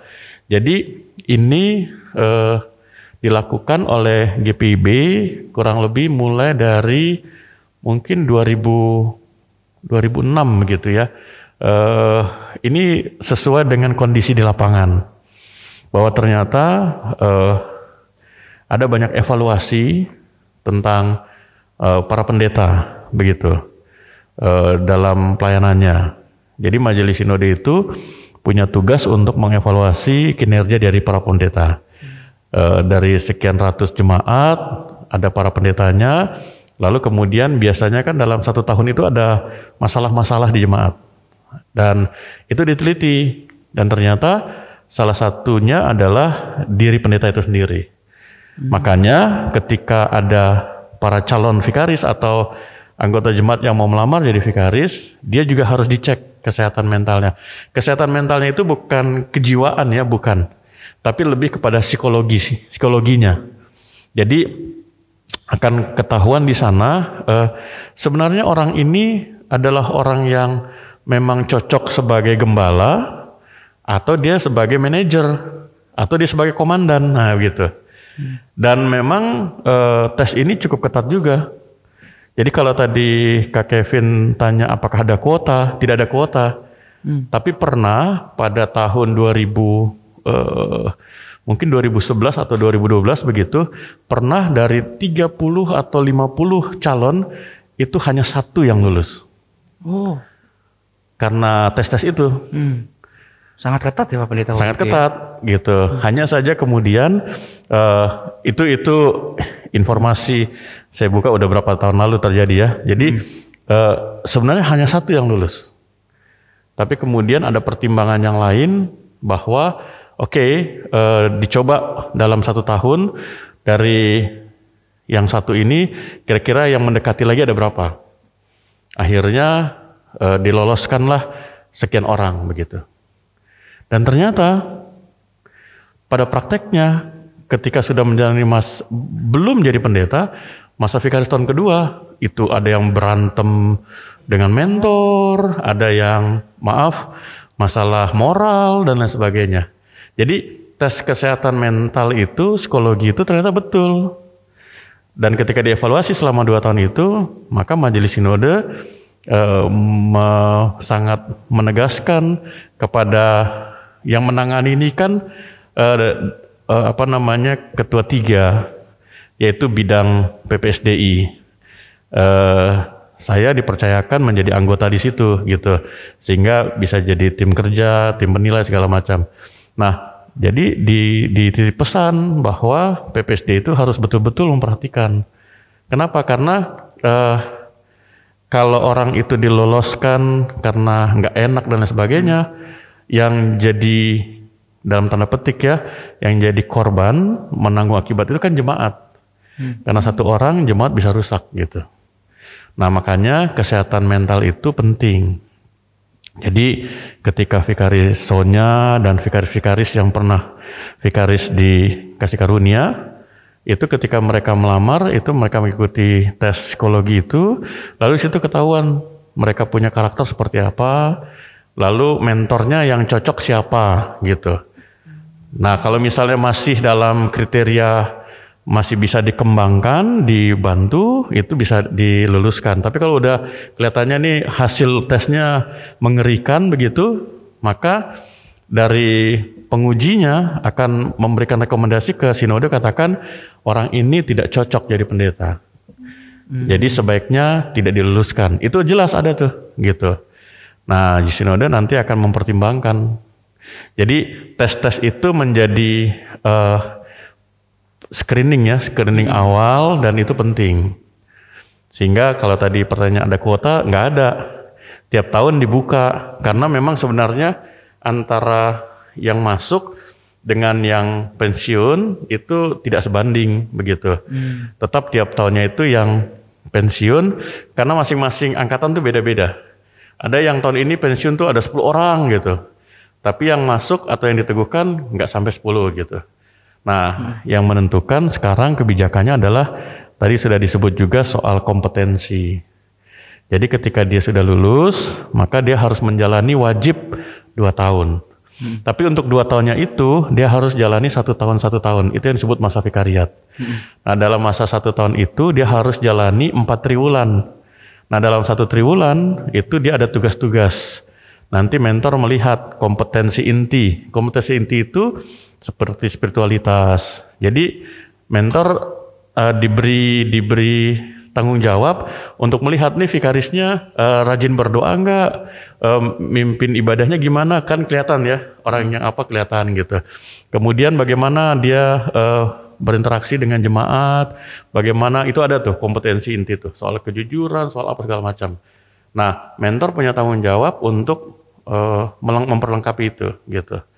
Nah, selain kompetensi inti, ada kompetensi fungsional. Kompetensi fungsional itu keterampilan berkhotbahnya, keterampilan pastoralnya, keterampilan mengajarnya. Nah, itu ada tuh indikatornya, cara menilainya gitu. Nah, kalau misalnya kurang, mentor punya tanggung jawab memperlengkapi. Jadi nggak langsung dibilang, oh gagal nggak. Jadi ada satu kesempatan satu tahun itu di, di jadi setiap triwulan dinilai kalau misalnya laporan itu disampaikan di triwulan satu nanti mentor kasih masukan Fik kamu untuk triwulan satu ini ada yang kurang di sini gitu yang ini nggak begini yang ini begini gitu Berarti jadi tanggung jawab bersama ya Pak Pendeta. Betul. Untuk mengembangkan vikaris ini. Vikaris Betul. harus gerak dan Betul. merupakan tanggung jawab juga untuk mentor gimana cara Ya. mengembangkan dan nge-push vikaris Iya, ini ya. iya.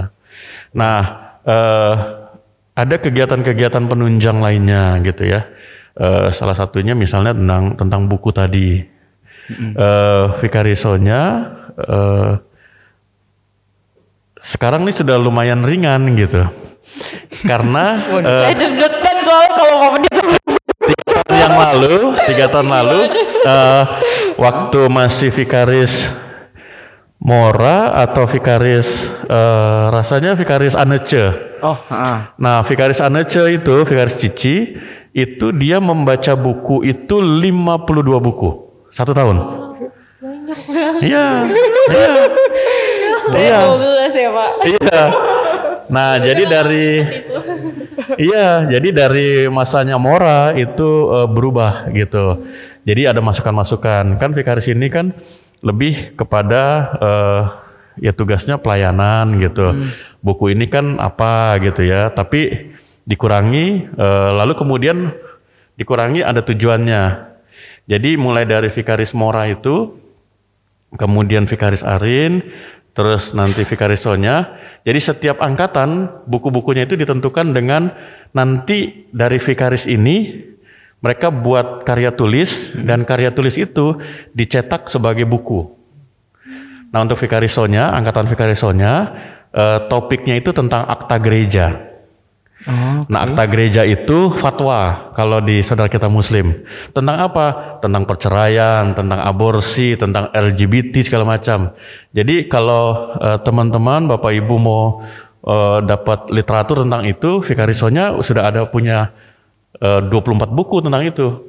Dan 24 buku itu eh, dari latar belakang penulis Protestan, dari Katolik, itu memang dipilihkan buku-buku itu. Sehingga nanti di akhir masa vikariat, vikarisonya dengan teman-teman yang lain, mereka punya karya tulis. Nah, karya tulis itu nanti akan disunting, diedit, lalu kemudian jadi sebuah buku untuk GPIB gitu. Nah, Vikaris Mora dengan Vikaris Arin sudah keluar bukunya. Mereka topiknya lain. Mereka topiknya tentang eh, ekonomi gereja, tentang germasa, itu beda-beda.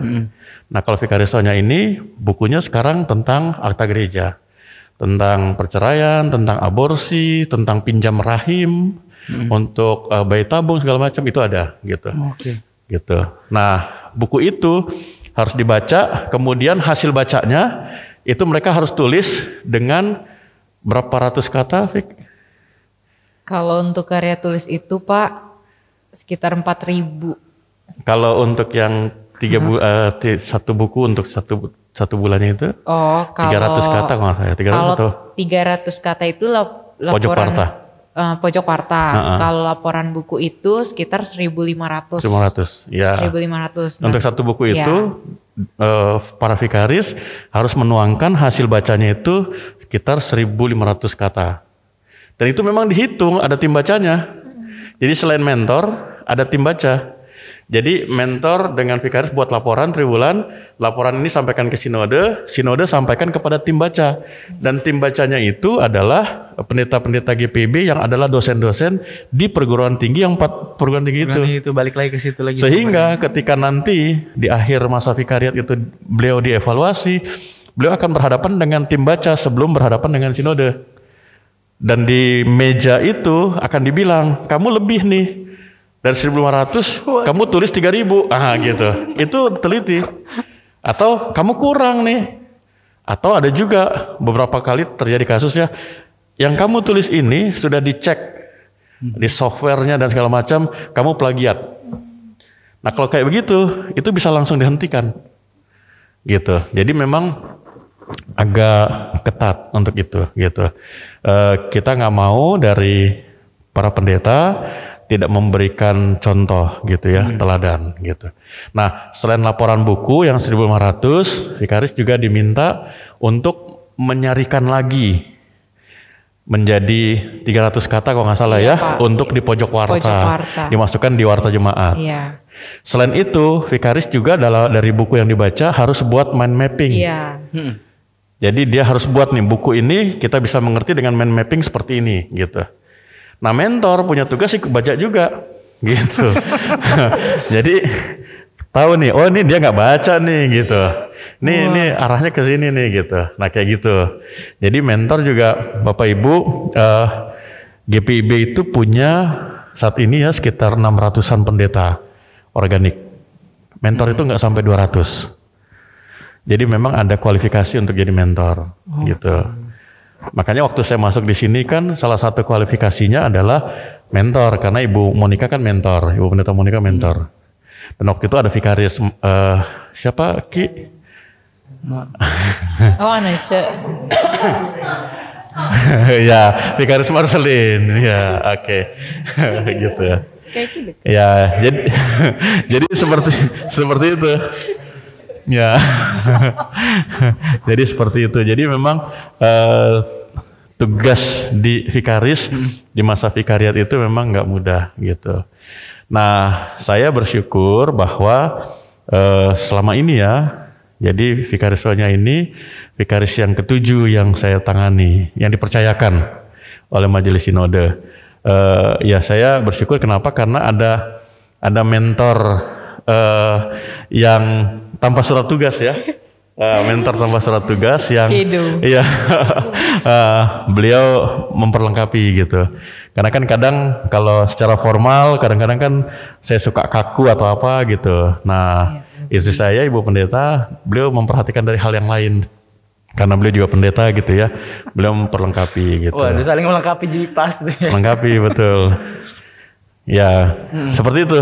Pak Pendeta, udah bingung sih tadi udah banyak banget apa saya baru tahu kalau misalnya setiap tugas saya kafikaris ternyata itu ada minimum Katanya. Katanya ya? Ah, Ada kak. list ada minimum katanya list ada yang 3000 ada yang 1500 dirangkum lagi jadi 500 Kembali kuliah lagi ya kak. Iya.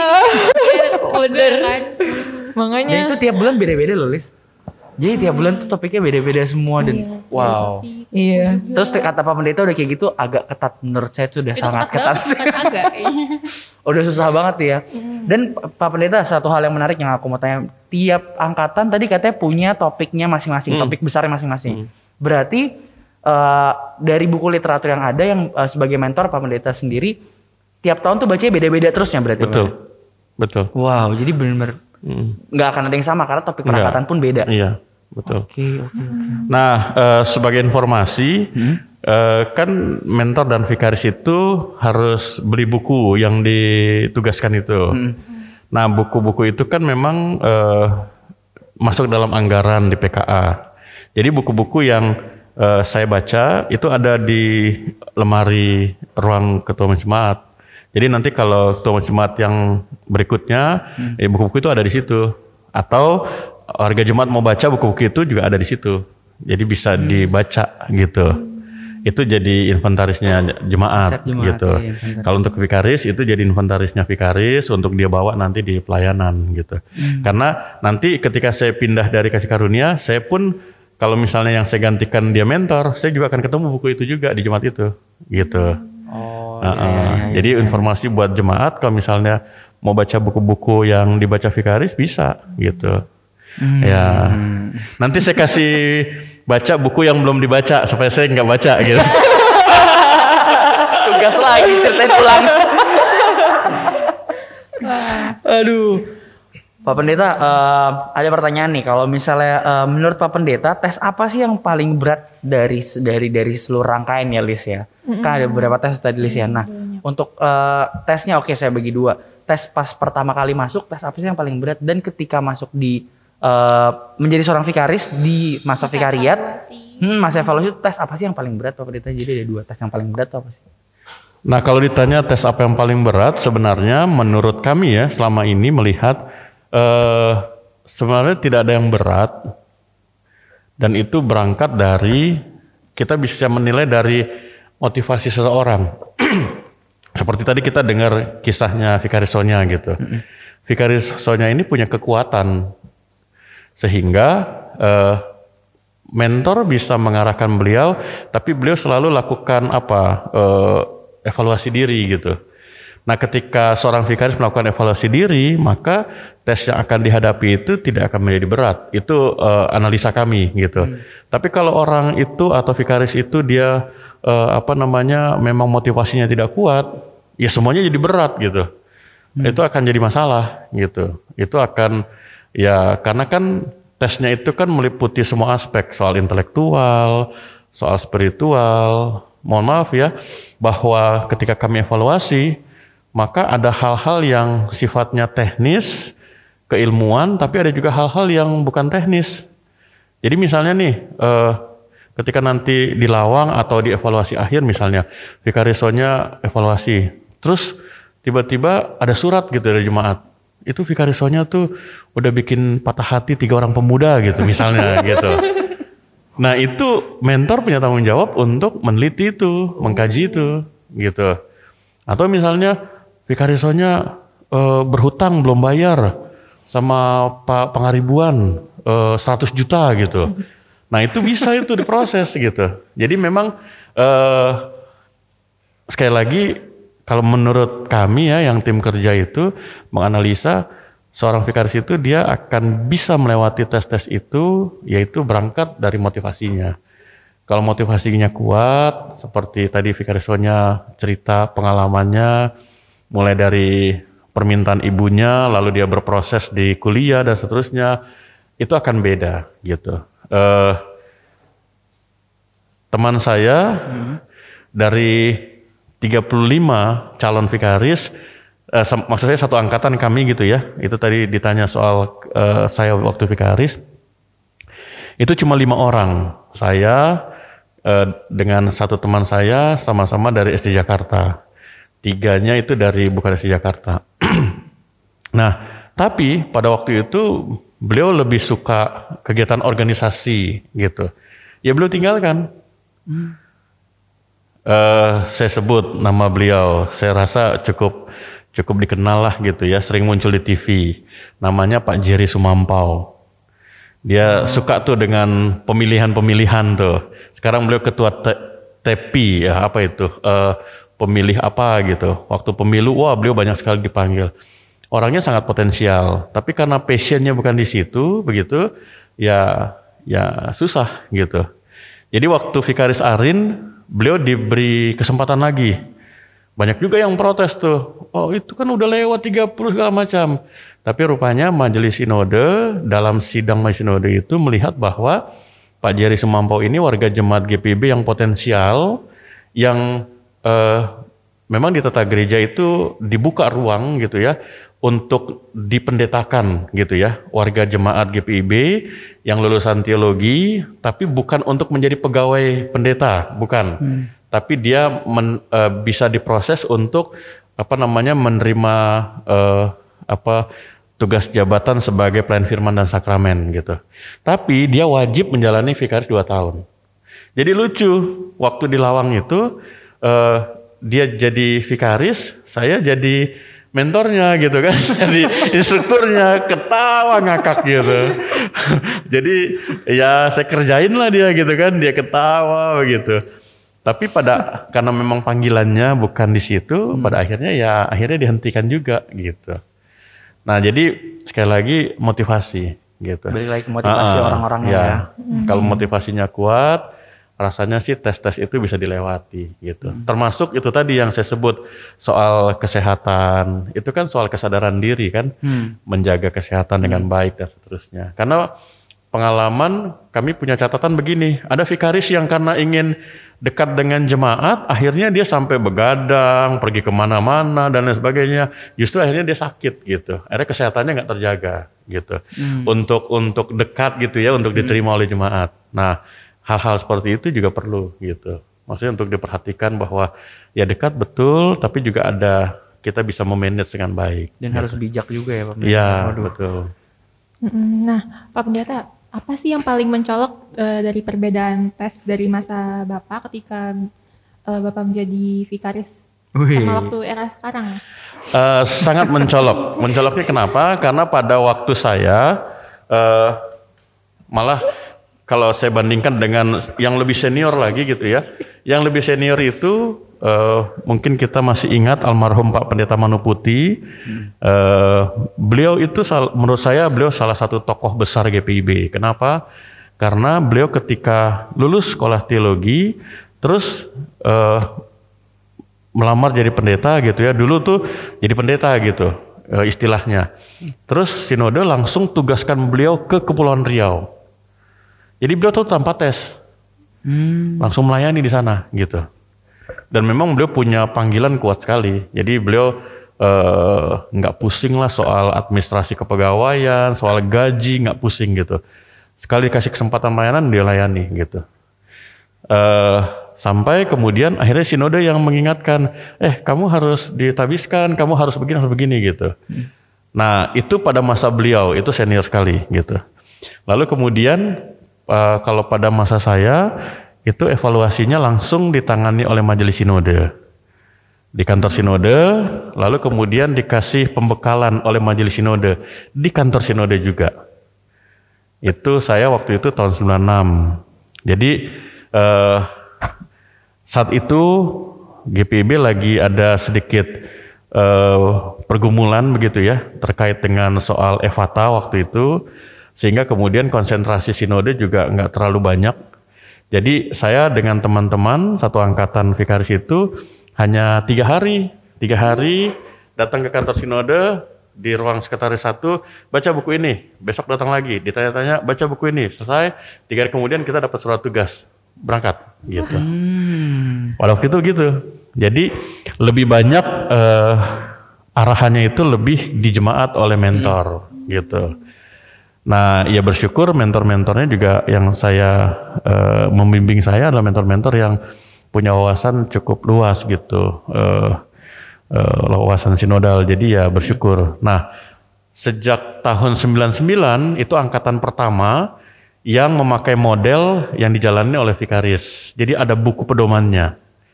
Lalu kemudian ada yang namanya kompetensi inti, kegiatan penunjang dan seterusnya. Itu mulai dari tahun 99. Dan itu digodok khusus oleh yang namanya PWG, Pembinaan Warga Gereja. Ada Prof. Sahertian dan lain sebagainya dari Lawang sana.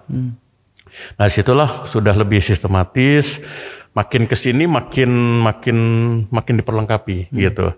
Jadi makin detail. Kalau waktu zaman saya ya pokoknya udah masuk vikaris langsung bisa berkhotbah, langsung bisa begini. Malah dalam tanda petik sudah langsung seperti pendeta gitu. Nah kalau eh, masanya vikarisonya sejak tahun 99 itu tahun pertama itu tidak wajib vikaris itu berkhotbah. Kenapa? Karena dia harus dibekali dulu, gitu. Eh, kalau tahun kedua, berarti dia dianggap sudah bisa, gitu. Sudah lebih lebih apa, gitu. Karena dia udah melewati yang tahun pertama. Jadi eh, zamannya vikarisonya sudah dengan kurikulum yang lebih detail, gitu dipersiapkan, gitu. Itu itu beda sekali Eh, dia punya kurikulumnya beda. Heeh. Mau nanya Pak Pendeta pas masanya Pak Pendeta itu berarti belum eh, belum terbentukkah tim kerja atau karena dari tadi kan dibilang eh, arahan semua dari majelis sinode kan Pak Pendeta. Eh, tim kerja departemen itu unit misioner Sinode itu ada. Cuman memang eh, dia punya kurikulumnya tidak sedetail yang sekarang. Kurikulum yang sekarang ini kan dimulai dari tahun 99. Heeh. Dan terus diperlengkapi, terus diperbaharui gitu. Heeh. Sampai yang tahun tahun ke lalu ya eh, kita bergumul dengan situasi pandemi. Ya kita diskusikan tuh tim kerja gimana caranya. Oh kita pakai itu aja sistem daring. Jadi eh ya saya saya dipercaya jadi ketua tim kerja tahun lalu itu untuk dua evaluasi tahun pertama dan kedua. Jadi ya itu saya saya Banyak hal baru yang dihadapi Pendeta ya. zoomingnya itu Iya. dari saung saung yang di pastori itu jadi pakai dua dua gadget dua laptop karena harus memantau ini vikaris dan itu kan ada break breakout room segala macam gitu ya. Eh, terus juga dengan tim kerjanya ya itu pengalaman. Dan tetap kita detail gitu. Jadi ada yang ngawasin nih lihat nih. Wah ini vikaris ini soalnya kenapa dia ngantuk nih? Kita langsung ngomong, ngomong gitu. Waktu breakout room pun itu dibagi tuh tim kerjanya untuk memperhatikan diskusinya segala macam gitu. Ya seperti itu dan ya bisa berjalan gitu. Sampai pada waktu penilaian dengan tim baca juga begitu. Ya tim kerjanya harus memantau prosesnya gitu. Ah, ya itu kurikulum yang sekarang memang lebih punya apa eh, tujuan-tujuan khususnya tuh lebih lebih banyak gitu. Mm. Seru ya berarti punya kerumitan sendiri ya di kala Hmm, pandemi ini ya. Hmm. Oke oke oke. Jadi eh, kalau ya khususnya para pemuda nih, kalau vikaris perempuan itu wajahnya nggak terlalu mulus gitu ya, nggak terlalu cerah gitu, banyak jerawatnya, ya bisa dimengerti lah gitu, karena beban kurikulumnya banyak itu untuk masa vikariatnya gitu. Nah, eh, kira-kira ada pertanyaan lagi gak ya dari teman-teman di sini mungkin Iya. ada yang mau nanya-nanya? Ada, yang- Wah, ada yang nih. tangan. Ada pertanyaan nih sebentar. Eh, pertanyaan sudah dikirim di PO Box di bawah. Saya buka PO. Box zaman kapan ya? Zaman Oke pemerintah kita udah terima eh, dua pertanyaan nih. Pertanyaan pertama, eh, selagi eh, selain plagiat saat pembuatan buku, apa aja sih bentuk pelanggaran yang biasa eh, dibuat vikaris, eh, yang dibuat vikaris atau sampai membuat vikaris itu didiskualifikasi sampai eh, dalam masa vikariat. Jadi kan tadi Pak Pendeta juga lihat, saya juga kaget ternyata eh, segitu propernya untuk melihat karya tulis ini sampai ada juga sistem untuk tahu plagiat. Nah, selain itu tuh eh, model-model apa aja sih eh, yang yang yang yang yang umumnya dilihat gitu. Jadi penilaian. Mm-mm. Jadi eh, ada beberapa pelanggaran yang memang eh, itu di akhir masa vikariat itu namanya eh, masa evaluasi gitu ya. Jadi tim kerja itu bersama dengan mentor kumpul, lalu kemudian itu percakapannya khusus gitu ya. Lalu kita dapat informasi. Di samping itu tim kerja itu juga dapat informasi dari majelis sinode, majelis sinode yang dapat informasi dari jemaat gitu. Jadi memang pada waktu evaluasi tim kerja fasilitator ini memang kerjanya lumayan keras juga gitu. Karena dia menerima berbagai informasi tapi juga tidak boleh langsung percaya dengan informasinya harus diuji lagi gitu ya. Nah, kalau untuk yang plagiarisme itu memang itu eh, lebih banyak kita dapatnya dari tim baca. Nah, tim baca ini kan para dosen. Nah, para dosen pendeta yang juga adalah dosen. Nah, mereka itu kan punya cara, punya punya teknis untuk teh ya mekanismenya untuk tahu ini plagiat atau tidak gitu. Nah, biasanya kalau plagiat itu kan ada tingkatan-tingkatannya. Ada yang mungkin dia ngutip tapi lupa menyebut gitu ya. Atau dia masukkan dalam uraian dia gitu tanpa menyebut sumber gitu. Tapi ada juga yang memang dia banyak kutipannya itu. Terus sama sekali tidak sebut gitu. Wah, itu bahaya itu. Itu betul-betul udah agak berat gitu. Nah, ya, kemudian yang eh, pelanggaran yang lain itu yang selama ini muncul begitu ya. Saya belum jadi tim kerja, belum di PPSDI, tapi dari eh, jemaat yang pernah saya tahu gitu ya. Ada pelanggaran soal itu tadi eh, soal masalah keuangan gitu. Karena kan kalau ada vikaris dekat dengan jemaat, vikaris disenangi gitu. Lalu kemudian vikaris eh, ngomong, minta bantuan, eh, tolong begini begini begini, jemaat pinjamkan gitu. Tanpa sepengetahuan mentor gitu. Nah itu beberapa kali kasus terjadi. Nah kemudian soal pelanggaran moral gitu. Eh, biasanya itu terjadi vikaris laki-laki tebar pesona, terus kemudian tebar yang lain-lain gitu ya. Itu itu masalah gitu. Waktu saya di Jambi itu ada ada juga cerita kawan pendeta yang mentor eh, vikaris perempuan gitu. Sudah dekat mau peneguhan, kemudian ya ya mungkin itu cara Tuhan begitu ya kalau kita lihat secara iman. Akhirnya terbongkar juga gitu, punya masalah moral gitu. Jadi memang yang untuk untuk kasus-kasus itu eh, tentu keputusan akhirnya itu ada di majelis sinode. Jadi tim kerja itu menjadi fasilitator yang kumpulin data, menganalisa, lalu kemudian menyodorkan informasi itu ke sinode, lalu sinode lihat, cross check lagi. Nah, nanti sinode akan lihat dari peraturan yang ada, ketentuan yang ada. eh, ini bis, ini apa nih eh, sanksinya seperti apa? Apakah dia akan diulang lagi atau misalnya dia akan diskors atau dihentikan sama sekali gitu. Yang dihentikan itu bisa seperti begini. Sekarang berhenti, tapi kamu masih punya kesempatan untuk melamar lagi gitu. Tapi ada juga yang berhenti dan tidak bisa lagi untuk melamar. Oh. Ada yang seperti itu Jadi gitu. dari sanksinya juga ada tier-tiernya ya, ada, Ada, gelombang-gelombangnya ya. Oke, betul, oke, oke. betul. Wah menarik banget nih, Pak Pendeta ternyata eh, banyak nih antusiasme dari eh, penonton kita di sini untuk lihat nih. Oke, Ah, iya Kak. sorry ada apa pertanyaan lagi nih Pak Pendeta. Kalau selama masa vikariat, seorang vikaris tuh boleh nggak sih untuk menikah? Terus kenapa? eh, lalu ada nggak peraturan kalau misalnya setelah diteguhkan pen- eh, menjadi pendeta berapa lama baru boleh menikah misalnya gitu? Iya, kayaknya yang nanya yang ada yang punya interest nih. ya, jadi gini.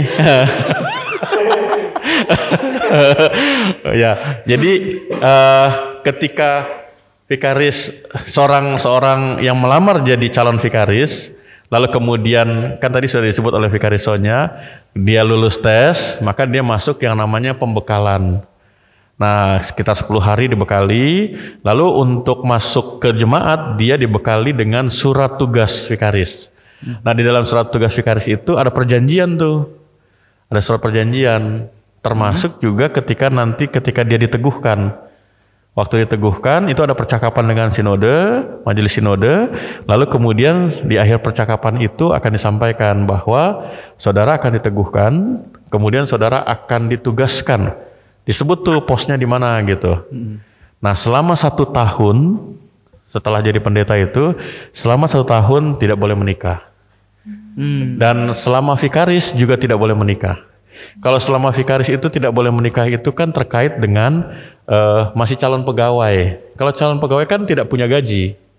Jadi kalau dia punya keluarga siapa yang tanggung? Ya, itu salah satu pertimbangannya. Jadi selama vikaris tidak boleh menikah. Pacaran boleh, punya pacar banyak boleh gitu ya. Tapi ujungnya terakhir harus jelas gitu ya. Nah itu. Nah terus kalau satu tahun eh, di pos itu tugas dia belum boleh menikah, satu tahun jalani dulu. Itu karena begini, eh, pos itu kan situasi kondisi di di sana di lapangan itu kan eh, dari jemaat induk tuh 30 km, 60 km, dia harus jalani dengan naik motor, dengan perahu gitu. Jadi satu tahun itu semacam dia punya orientasi terhadap ladang pelayanan itu. Sehingga kalau dia sudah settle selama satu tahun dan jemaat pun juga sudah oke gitu kan, nah dia sudah bisa bagi konsentrasi gitu. Ada pertimbangan itunya gitu. Karena kalau dia jadi pendeta terus langsung menikah, nanti repot gitu. Eh, mohon maaf, ada satu dua kasus seperti itu eh, yang dia udah jadi pendeta, lalu ternyata menikah gitu. Ya kena sanksi, terus senang aja tuh kena sanksi. Kenapa? Ya dia non organik gitu. Jadi ya lepas dari ikatan dinas itu. Dan ternyata itu strateginya, modusnya. Nah jadi sekarang untuk para vikaris, calon vikaris udah ditegaskan. Kalau kamu ikut vikaris ini dan sampai diteguhkan pendeta, nggak bisa non organik. Jadi ada semacam nanti kayak semacam begini. Eh, detailnya saya kurang tahu, tapi itu udah disebutkan. Jadi kalau misalnya dia belum satu tahun, terus dengan sengaja ya, setelah diteliti, dengan sengaja dia mundur dari ladang pelayanan itu, ya nanti akan dilihat oleh sinode apakah dia harus mengembalikan biaya yang dikeluarkan oleh jemaat selama dua tahun, atau sama sekali kemudian dicabut kependetaannya, gitu, atau kepangkatan pegawainya itu di- ditunda dan lain sebagainya, gitu. Nanti dilihat dari bobot kasusnya gitu. Karena sempat ada yang jadikan modus karena nggak mau pelayanan di pospel gitu. Dia nikah dengan sengaja, dapat sanksi, eh malah seneng gitu. Karena itu tujuannya. Tujuannya gitu. Nah, jadi dari masa vikaris itu sudah diingatkan ter gitu. Oke oke oke. Dan saya harus katakan begini bahwa eh justru yang di pospel itu senang-senang aja tuh, gemuk-gemuk. iya. Coba lihat, ya? pendeta-pendeta di pospel tuh gemuk-gemuk, ya sudah nyaman gitu. Hmm, Buat mereka gaji terlambat nggak ada masalah, yang penting ada sinyal gitu. itu, itu salah satunya. Heeh, gitu. Pak Pendeta tadi ada satu eh, istilah yang dari tadi saya juga cukup eh, penasaran nih. Mungkin sobat hangat juga masih pada bingung. Eh, pendeta organik dan non organik. Bener nggak sih Pak Pendeta kalau pende- eh, penjelasannya kalau pendeta organik itu yang memegang jemaat. Kalau pendetaan organik itu yang nggak terikat sama eh, satu jemaat gitu misalnya. Itu bener nggak sih? Iya, jadi Oh. penjelasan sederhananya seperti itu. Jadi kalau pendeta organik, dia memang terstruktur, as- masuk dalam struktur, dia memang sangat terikat, gitu. Nah, pendeta organik dengan non organik itu sama-sama pendeta GPIB, bedanya dalam penugasannya, gitu. Nah, tentu ketika pendeta organik, seperti saya pendeta organik, saya ditugaskan dikasih karunia, dan saya tidak bisa memilih. Termasuk vikaris juga. Ketika dalam vikaris di- ditugaskan ke jemaat ini dia nggak bisa memilih. Karena kita itu pegawai gitu. Nah terus ya saya jalani tugas itu. Karena saya jalani tugas maka saya dapat hak-hak saya. Hak cuti gaji dan lain sebagainya yang ditanggung oleh lembaga eh, ya melalui jemaat gitu. Itu pendeta organik gitu. Kemudian kalau misalnya saya melakukan tugas-tugas di luar itu, maka saya harus memberitahu majelis sinode melalui majelis jemaat, gitu. Jadi nggak bisa. Saya misalnya saya dapat tawaran untuk pergi ke Israel satu tahun empat kali, padahal saya punya hak cuti cuma 21 hari, gitu. Maka itu bagaimana harus dia dapat izin? Kalau nggak dapat izin, berarti saya dianggap melanggar karena saya statusnya organik. Nah, kalau non organik dia tidak terikat. Dia pendeta GPIB, eh, dia tidak terikat dengan struktur. Nah, konsekuensinya memang dia tidak digaji. Eh, jadi dia bebas seperti Ibu Pendeta Lia, beliau pendeta GPIB, pendeta Esther juga. Nah, beliau bisa melayani di mana saja tanpa perlu minta izin gitu. Jadi eh, pendeta-pendeta non organik GPIB itu banyak gitu. Ya khususnya yang pasangan suami istri ya, yang memang udah sepakat karena ya tentu salah satu pertimbangannya keluarga gitu. Eh, kami waktu dari Makassar udah sepakat. Eh, saya atau ibu pendeta yang ini, lalu beliau bilang "Eh, kamu aja gitu. Nah seperti itu. Jadi itu bedanya gitu. Tapi dua-duanya baik organik maupun non organik sis, apa proses vikariatnya semua tetap sama sama. Oke, oke, Jadi oke, oke. untuk menjadi non organik itu pun nggak bisa semaunya. Jadi sinode juga lihat Hmm. gitu. Seperti beliau eh, Ibu Pendeta Lian non organik itu setelah lima tahun ya. Setelah lima tahun, setelah lima tahun menjalankan tugas dinas eh, dan itu dilihat juga alasannya apa. Gitu. Jadi nggak bisa sembarangan. Waktu itu kami menghadap dua-dua. Kami bilang sama sinode karena kami eh, perlu perhatikan anak gitu ya. Karena konsekuensinya gini, kalau suami istri pendeta, jadi majelis sinode tidak punya tanggung jawab atau harus harus eh, menempatkan suami istri itu dekat itu nggak ada, aturannya nggak ada. Justru yang menjadi tanggung jawab si pendeta itu, maka si pendeta itu di mana pun ditempatkan, ya dia harus siap. Kalau memang ya sinode pasti perhatikan sisi kemanusiaan dan lain sebagainya. Tapi kalau memang di jemaat itu di wilayah itu ternyata tidak ada jemaat yang pas dengan pangkat golongan, dengan kebutuhan, maka harus terima. Saya dengan Ibu Pendeta Lia, dengan istri saya, itu sempat tuh selama empat tahun beda tuh. Satu di Pinrang, satu di Makassar. 200 km itu kan. Jadi ya ketemunya setelah kami hitung-hitung. Nah itu kami evaluasi. Setelah kami hitung-hitung selama empat tahun, kami tuh cuman dari empat tahun itu menghabiskan waktu bersama tuh cuman satu tahun. Kenapa? Karena dalam satu minggu itu, kalau dalam kondisi normal, beliau datang minggu pagi dini hari, Rabu, oh Senin Senin dini hari, lalu kemudian Rabu pagi beliau udah berangkat lagi. Itu kalau normal, seminggu sekali. Tapi kalau misalnya udah ada kegiatan padat, mungkin sebulan sekali. Nah, kenapa beliau yang turun ke Makassar? Karena saya tugasnya dua waktu itu, pendeta dan juga dosen, gitu. Oh. Nah, konsekuensinya eh, waktu Natal gitu ya. Beliau kan di pastori sendiri gitu. Terus saya di jemaat Makassar ada berapa pendeta. Saya lihat jadwal saya. Wah malam Natal saya nggak pimpin. Nah, saya pimpinnya besok. Saya pinjam mobil gereja sama KMJ. Waktu itu saya PJ. Saya bilang, Pak Pendeta saya mau ke Pinrang. Oh ya oke. Tapi jangan lupa besok pimpin ya. Oh, sudah. Saya berangkat jam 7 malam ke Pinrang sampai jam 11. Lalu kemudian doa bersama di sana. Jam 2 turun lagi. Karena jam 9 udah mau pimpin gitu. Wah itu Luar seru banget. perjuangannya. seru banget.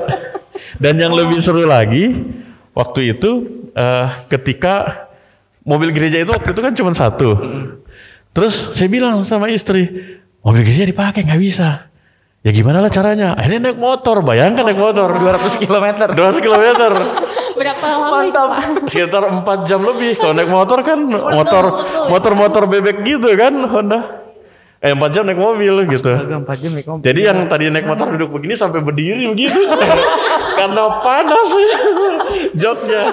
Dia sempat ngalamin itu. Gitu. Ya ampun. Nah itu demi cinta ya. Iya demi cinta ya. Luar biasa. Demi cinta. Jadi seperti itu. Dan pernah sekali waktu ya waktu itu ya. eh, kita sidang sidang mupel gitu di Majene. Dia lebih tinggi lagi Majene, lebih jauh lagi ke Sulawesi Barat. Terus pulang, karena harus pulang kan. Jadi pas pulang saya kondisi ngantuk sekali gitu. Dan ya udah jalan tuh seperti udah nggak lihat lagi. Sampai akhirnya kita berhenti di pinggir jalan untuk tidur dulu gitu. Ya itu konsekuensi. Nah dari situlah setelah empat tahun eh, kami berdua menggumuli itu. eh, terus ya saya eh, sama istri saling terbuka. Gimana caranya? Ya udah sepakat. Eh, toh kalau dua-dua mau cari apa sih gitu kan? Kalau bicara kurang dan lebih kan ya tinggal kita mau manage saja gitu. Ya udah akhirnya sepakat istri yang non organik gitu. Dan itu kemudian kami bersurat ke sinode. Sinode tanya, kan bisa nanti kami atur gini gini gini gitu. Tapi ya kami punya pengalaman selama 4 tahun itu rasanya nggak bisa gitu. Ya sudah akhirnya begitu. Jadi nanti mungkin Vikarisonya kalau gimana itu Vikarisonya? Belum tahu Di episode berikutnya. Iya, belum tahu Pak. Penasaran Ya. gitu. Jadi kalau untuk pasangan pendeta ya itu memang perlu dipertimbangkan Iya. gitu. Oke oke oke. Jadi gitu ya Kak. Seru banget. Seru banget, wow. Nah untuk pertanyaan penutup nih Pak. Mm-mm. Sebagai tim penguji, apa pesan Bapak Pendeta untuk Sobat Hangat yang tertarik menjadi vikaris? Oh ya, jadi memang yang harus di di di, di apa ya diklarifikasi gitu ya bahwa eh, menjadi vikaris itu bukan sekedar mau melayani untuk eh, konsep di GPIB eh, menjadi vikaris itu berarti siap untuk dibentuk menjadi pelayan firman dan sakramen dan bukan hanya itu tapi juga menjadi seorang leader, seorang pemimpin.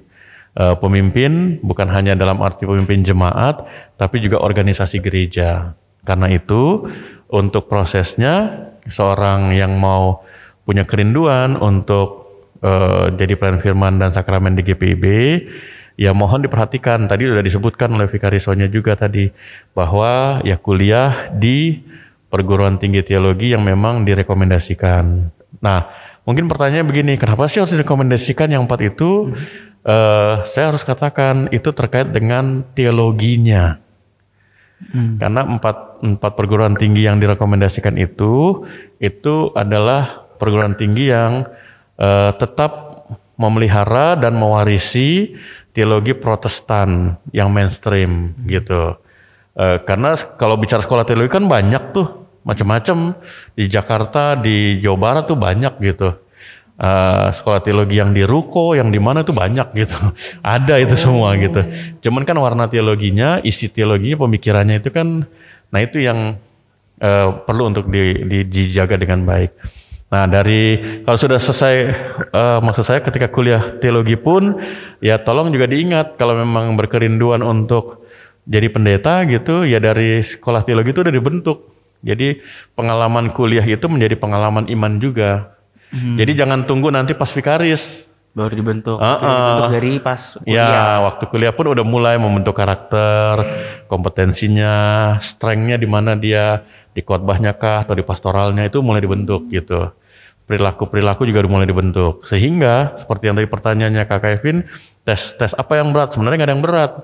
Kalau memang dari mulai kuliah itu dia sudah mempersiapkan diri, itu akan akan jalannya baik gitu. Nah, ketika vikaris pun karena eh, vikaris itu dibentuk, maka salah satu modalnya adalah untuk bisa berhasil di masa vikaris, yaitu kerendahan hati gitu. Mau dibimbing oleh mentor. Ya mentor memang nggak semuanya eh, tadi seperti vikarisnya bilang ya mentor satu, mentor dua gayanya beda, caranya beda. Tapi tugas seorang mentor kalau memang dia ditugaskan itu berarti dia membimbing vikaris itu. Kan itu kan sebenarnya di latar belakangi dari tradisi Yunani kan, seorang mentor itu dia me- membimbing calon raja. Ketika dia sudah membimbing, maka raja itu menjadi seorang pemimpin, mentor itu mundur gitu. Nah, itu tugasnya seorang mentor. Jadi sudah dirubah tuh dari tahun 99 itu sudah dirubah konsep mentor. Kalau dulu mentor itu wah, bos itu mulai dari mungkin apa namanya semir sepatunya mentor terus macam-macam gitu. Itu dulu begitu tapi dari tahun 99 sudah ada kurikulumnya. Mentor pun terikat dengan panduan itu nggak bisa sembarangan. Nah, pada dasarnya yang paling paling penting adalah kalau memang punya kerinduan untuk itu ya gumulilah panggilan itu dengan Tuhan gitu. Eh, cara Tuhan itu ajaib Mungkin kita berkerinduan tapi Tuhan bilang belum. Mungkin ada saatnya nanti gitu. Atau mungkin kita katakan belum begitu ya. Seperti tadi kesaksiannya Vikarisonya, mamanya punya permintaan, eh ternyata di kampus malah terbentuk beliau gitu. Nah hal-hal seperti itu gitu. Oke oke menarik banget ya. Jadi emang eh, dari yang Pak Pendeta bilang mungkin kita tetap bisa berencana, kita bisa eh, mau jadi pelayan Tuhan, cuma tetap serahin lagi ke Tuhan. Iya. Eh, gimana Tuhan punya rencana, gimana Tuhan ngebentuk kita, dan tetap serahin ke Tuhan. Maksudnya Tuhan mau ngebentuk kita dengan cara pelayanan kayak gimana? Karena banyak banget cara pelayanan, nggak harus jadi eh, vikaris dengan masa vikariatnya ya Pak Pendeta ya, bener banget. Nah, Sobat Hangat dari tadi juga kita udah eh, banyak banget diskusi eh, seru-seru di sini ya ternyata ya Lis ya banyak banget dan em, gak kalah seru juga kita akan dengerin nih renungan firman Tuhan dari Pak Pendeta nih berkaitan dengan hal ini nih yang pasti gak kalah serunya gimana Pak Pendeta? eh kalau renungannya begini, kita percaya bahwa panggilan itu datang dari Tuhan. Tinggal kitanya saja yang peka terhadap panggilan itu dan ya kita belajar seperti apa yang dikatakan Paulus begitu ya. Paulus bilang begini dalam surat Korintus, apa upahku memberitakan Injil? Upahku adalah memberitakan Injil. Itu sebuah pernyataan yang menurut saya luar biasa gitu bahwa dia betul-betul menghayati yang namanya panggilan. Nah, kalau kita memahami bahwa eh, ketika kita mau punya kerinduan menjadi seorang pelayan Tuhan, maka itu bukan sebuah kebanggaan apalagi kesombongan, tapi itu sebuah kerinduan gitu. Nah, kalau kerinduan yang sejati, maka kita tahu bahwa yang kita layani itu adalah Tuhan gitu. Nah, itu harus dijaga terus sampai selesai gitu ya.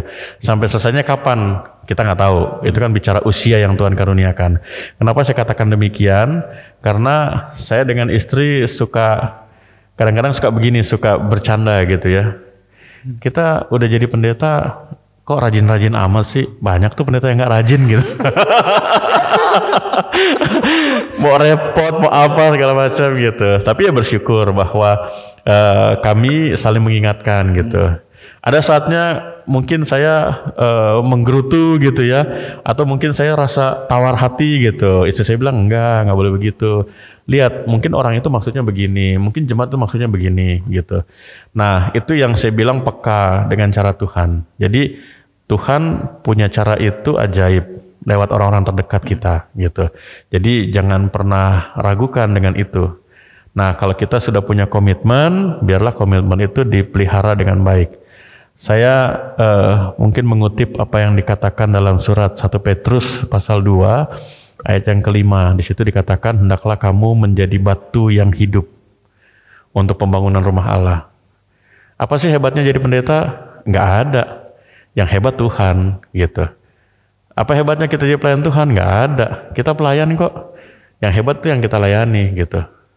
Tapi di situ yang seperti surat Petrus katakan, kalau kita bersedia menjadi batu hidup, maka kita dipakai bukan untuk membangun sesuatu yang biasa, tapi bangun rumah Tuhan dan yang berkenan gitu. Eh, tidak perlu bermimpi untuk jadi orang besar, tidak perlu bermimpi jadi pengkhotbah pelayan besar, tapi baiklah kita jalani dengan hal-hal yang kecil. Kan Tuhan Yesus katakan, Marilah hambaku yang setia, karena kamu setia dengan perkara yang kecil, dan terimalah kebahagiaan kerajaanku. Nah, biarlah itu boleh menjadi perenungan kita, khususnya juga buat warga jemaat mungkin yang punya kerinduan, anak-anak pemuda, pemudi yang mau jadi pelayan Tuhan secara khusus sebagai pendeta. Eh, gumuli dengan Tuhan dan Tuhan nanti akan tunjukkan gitu. Itu saja Kak Kevin, Kak Lisa sama Vikarisonya.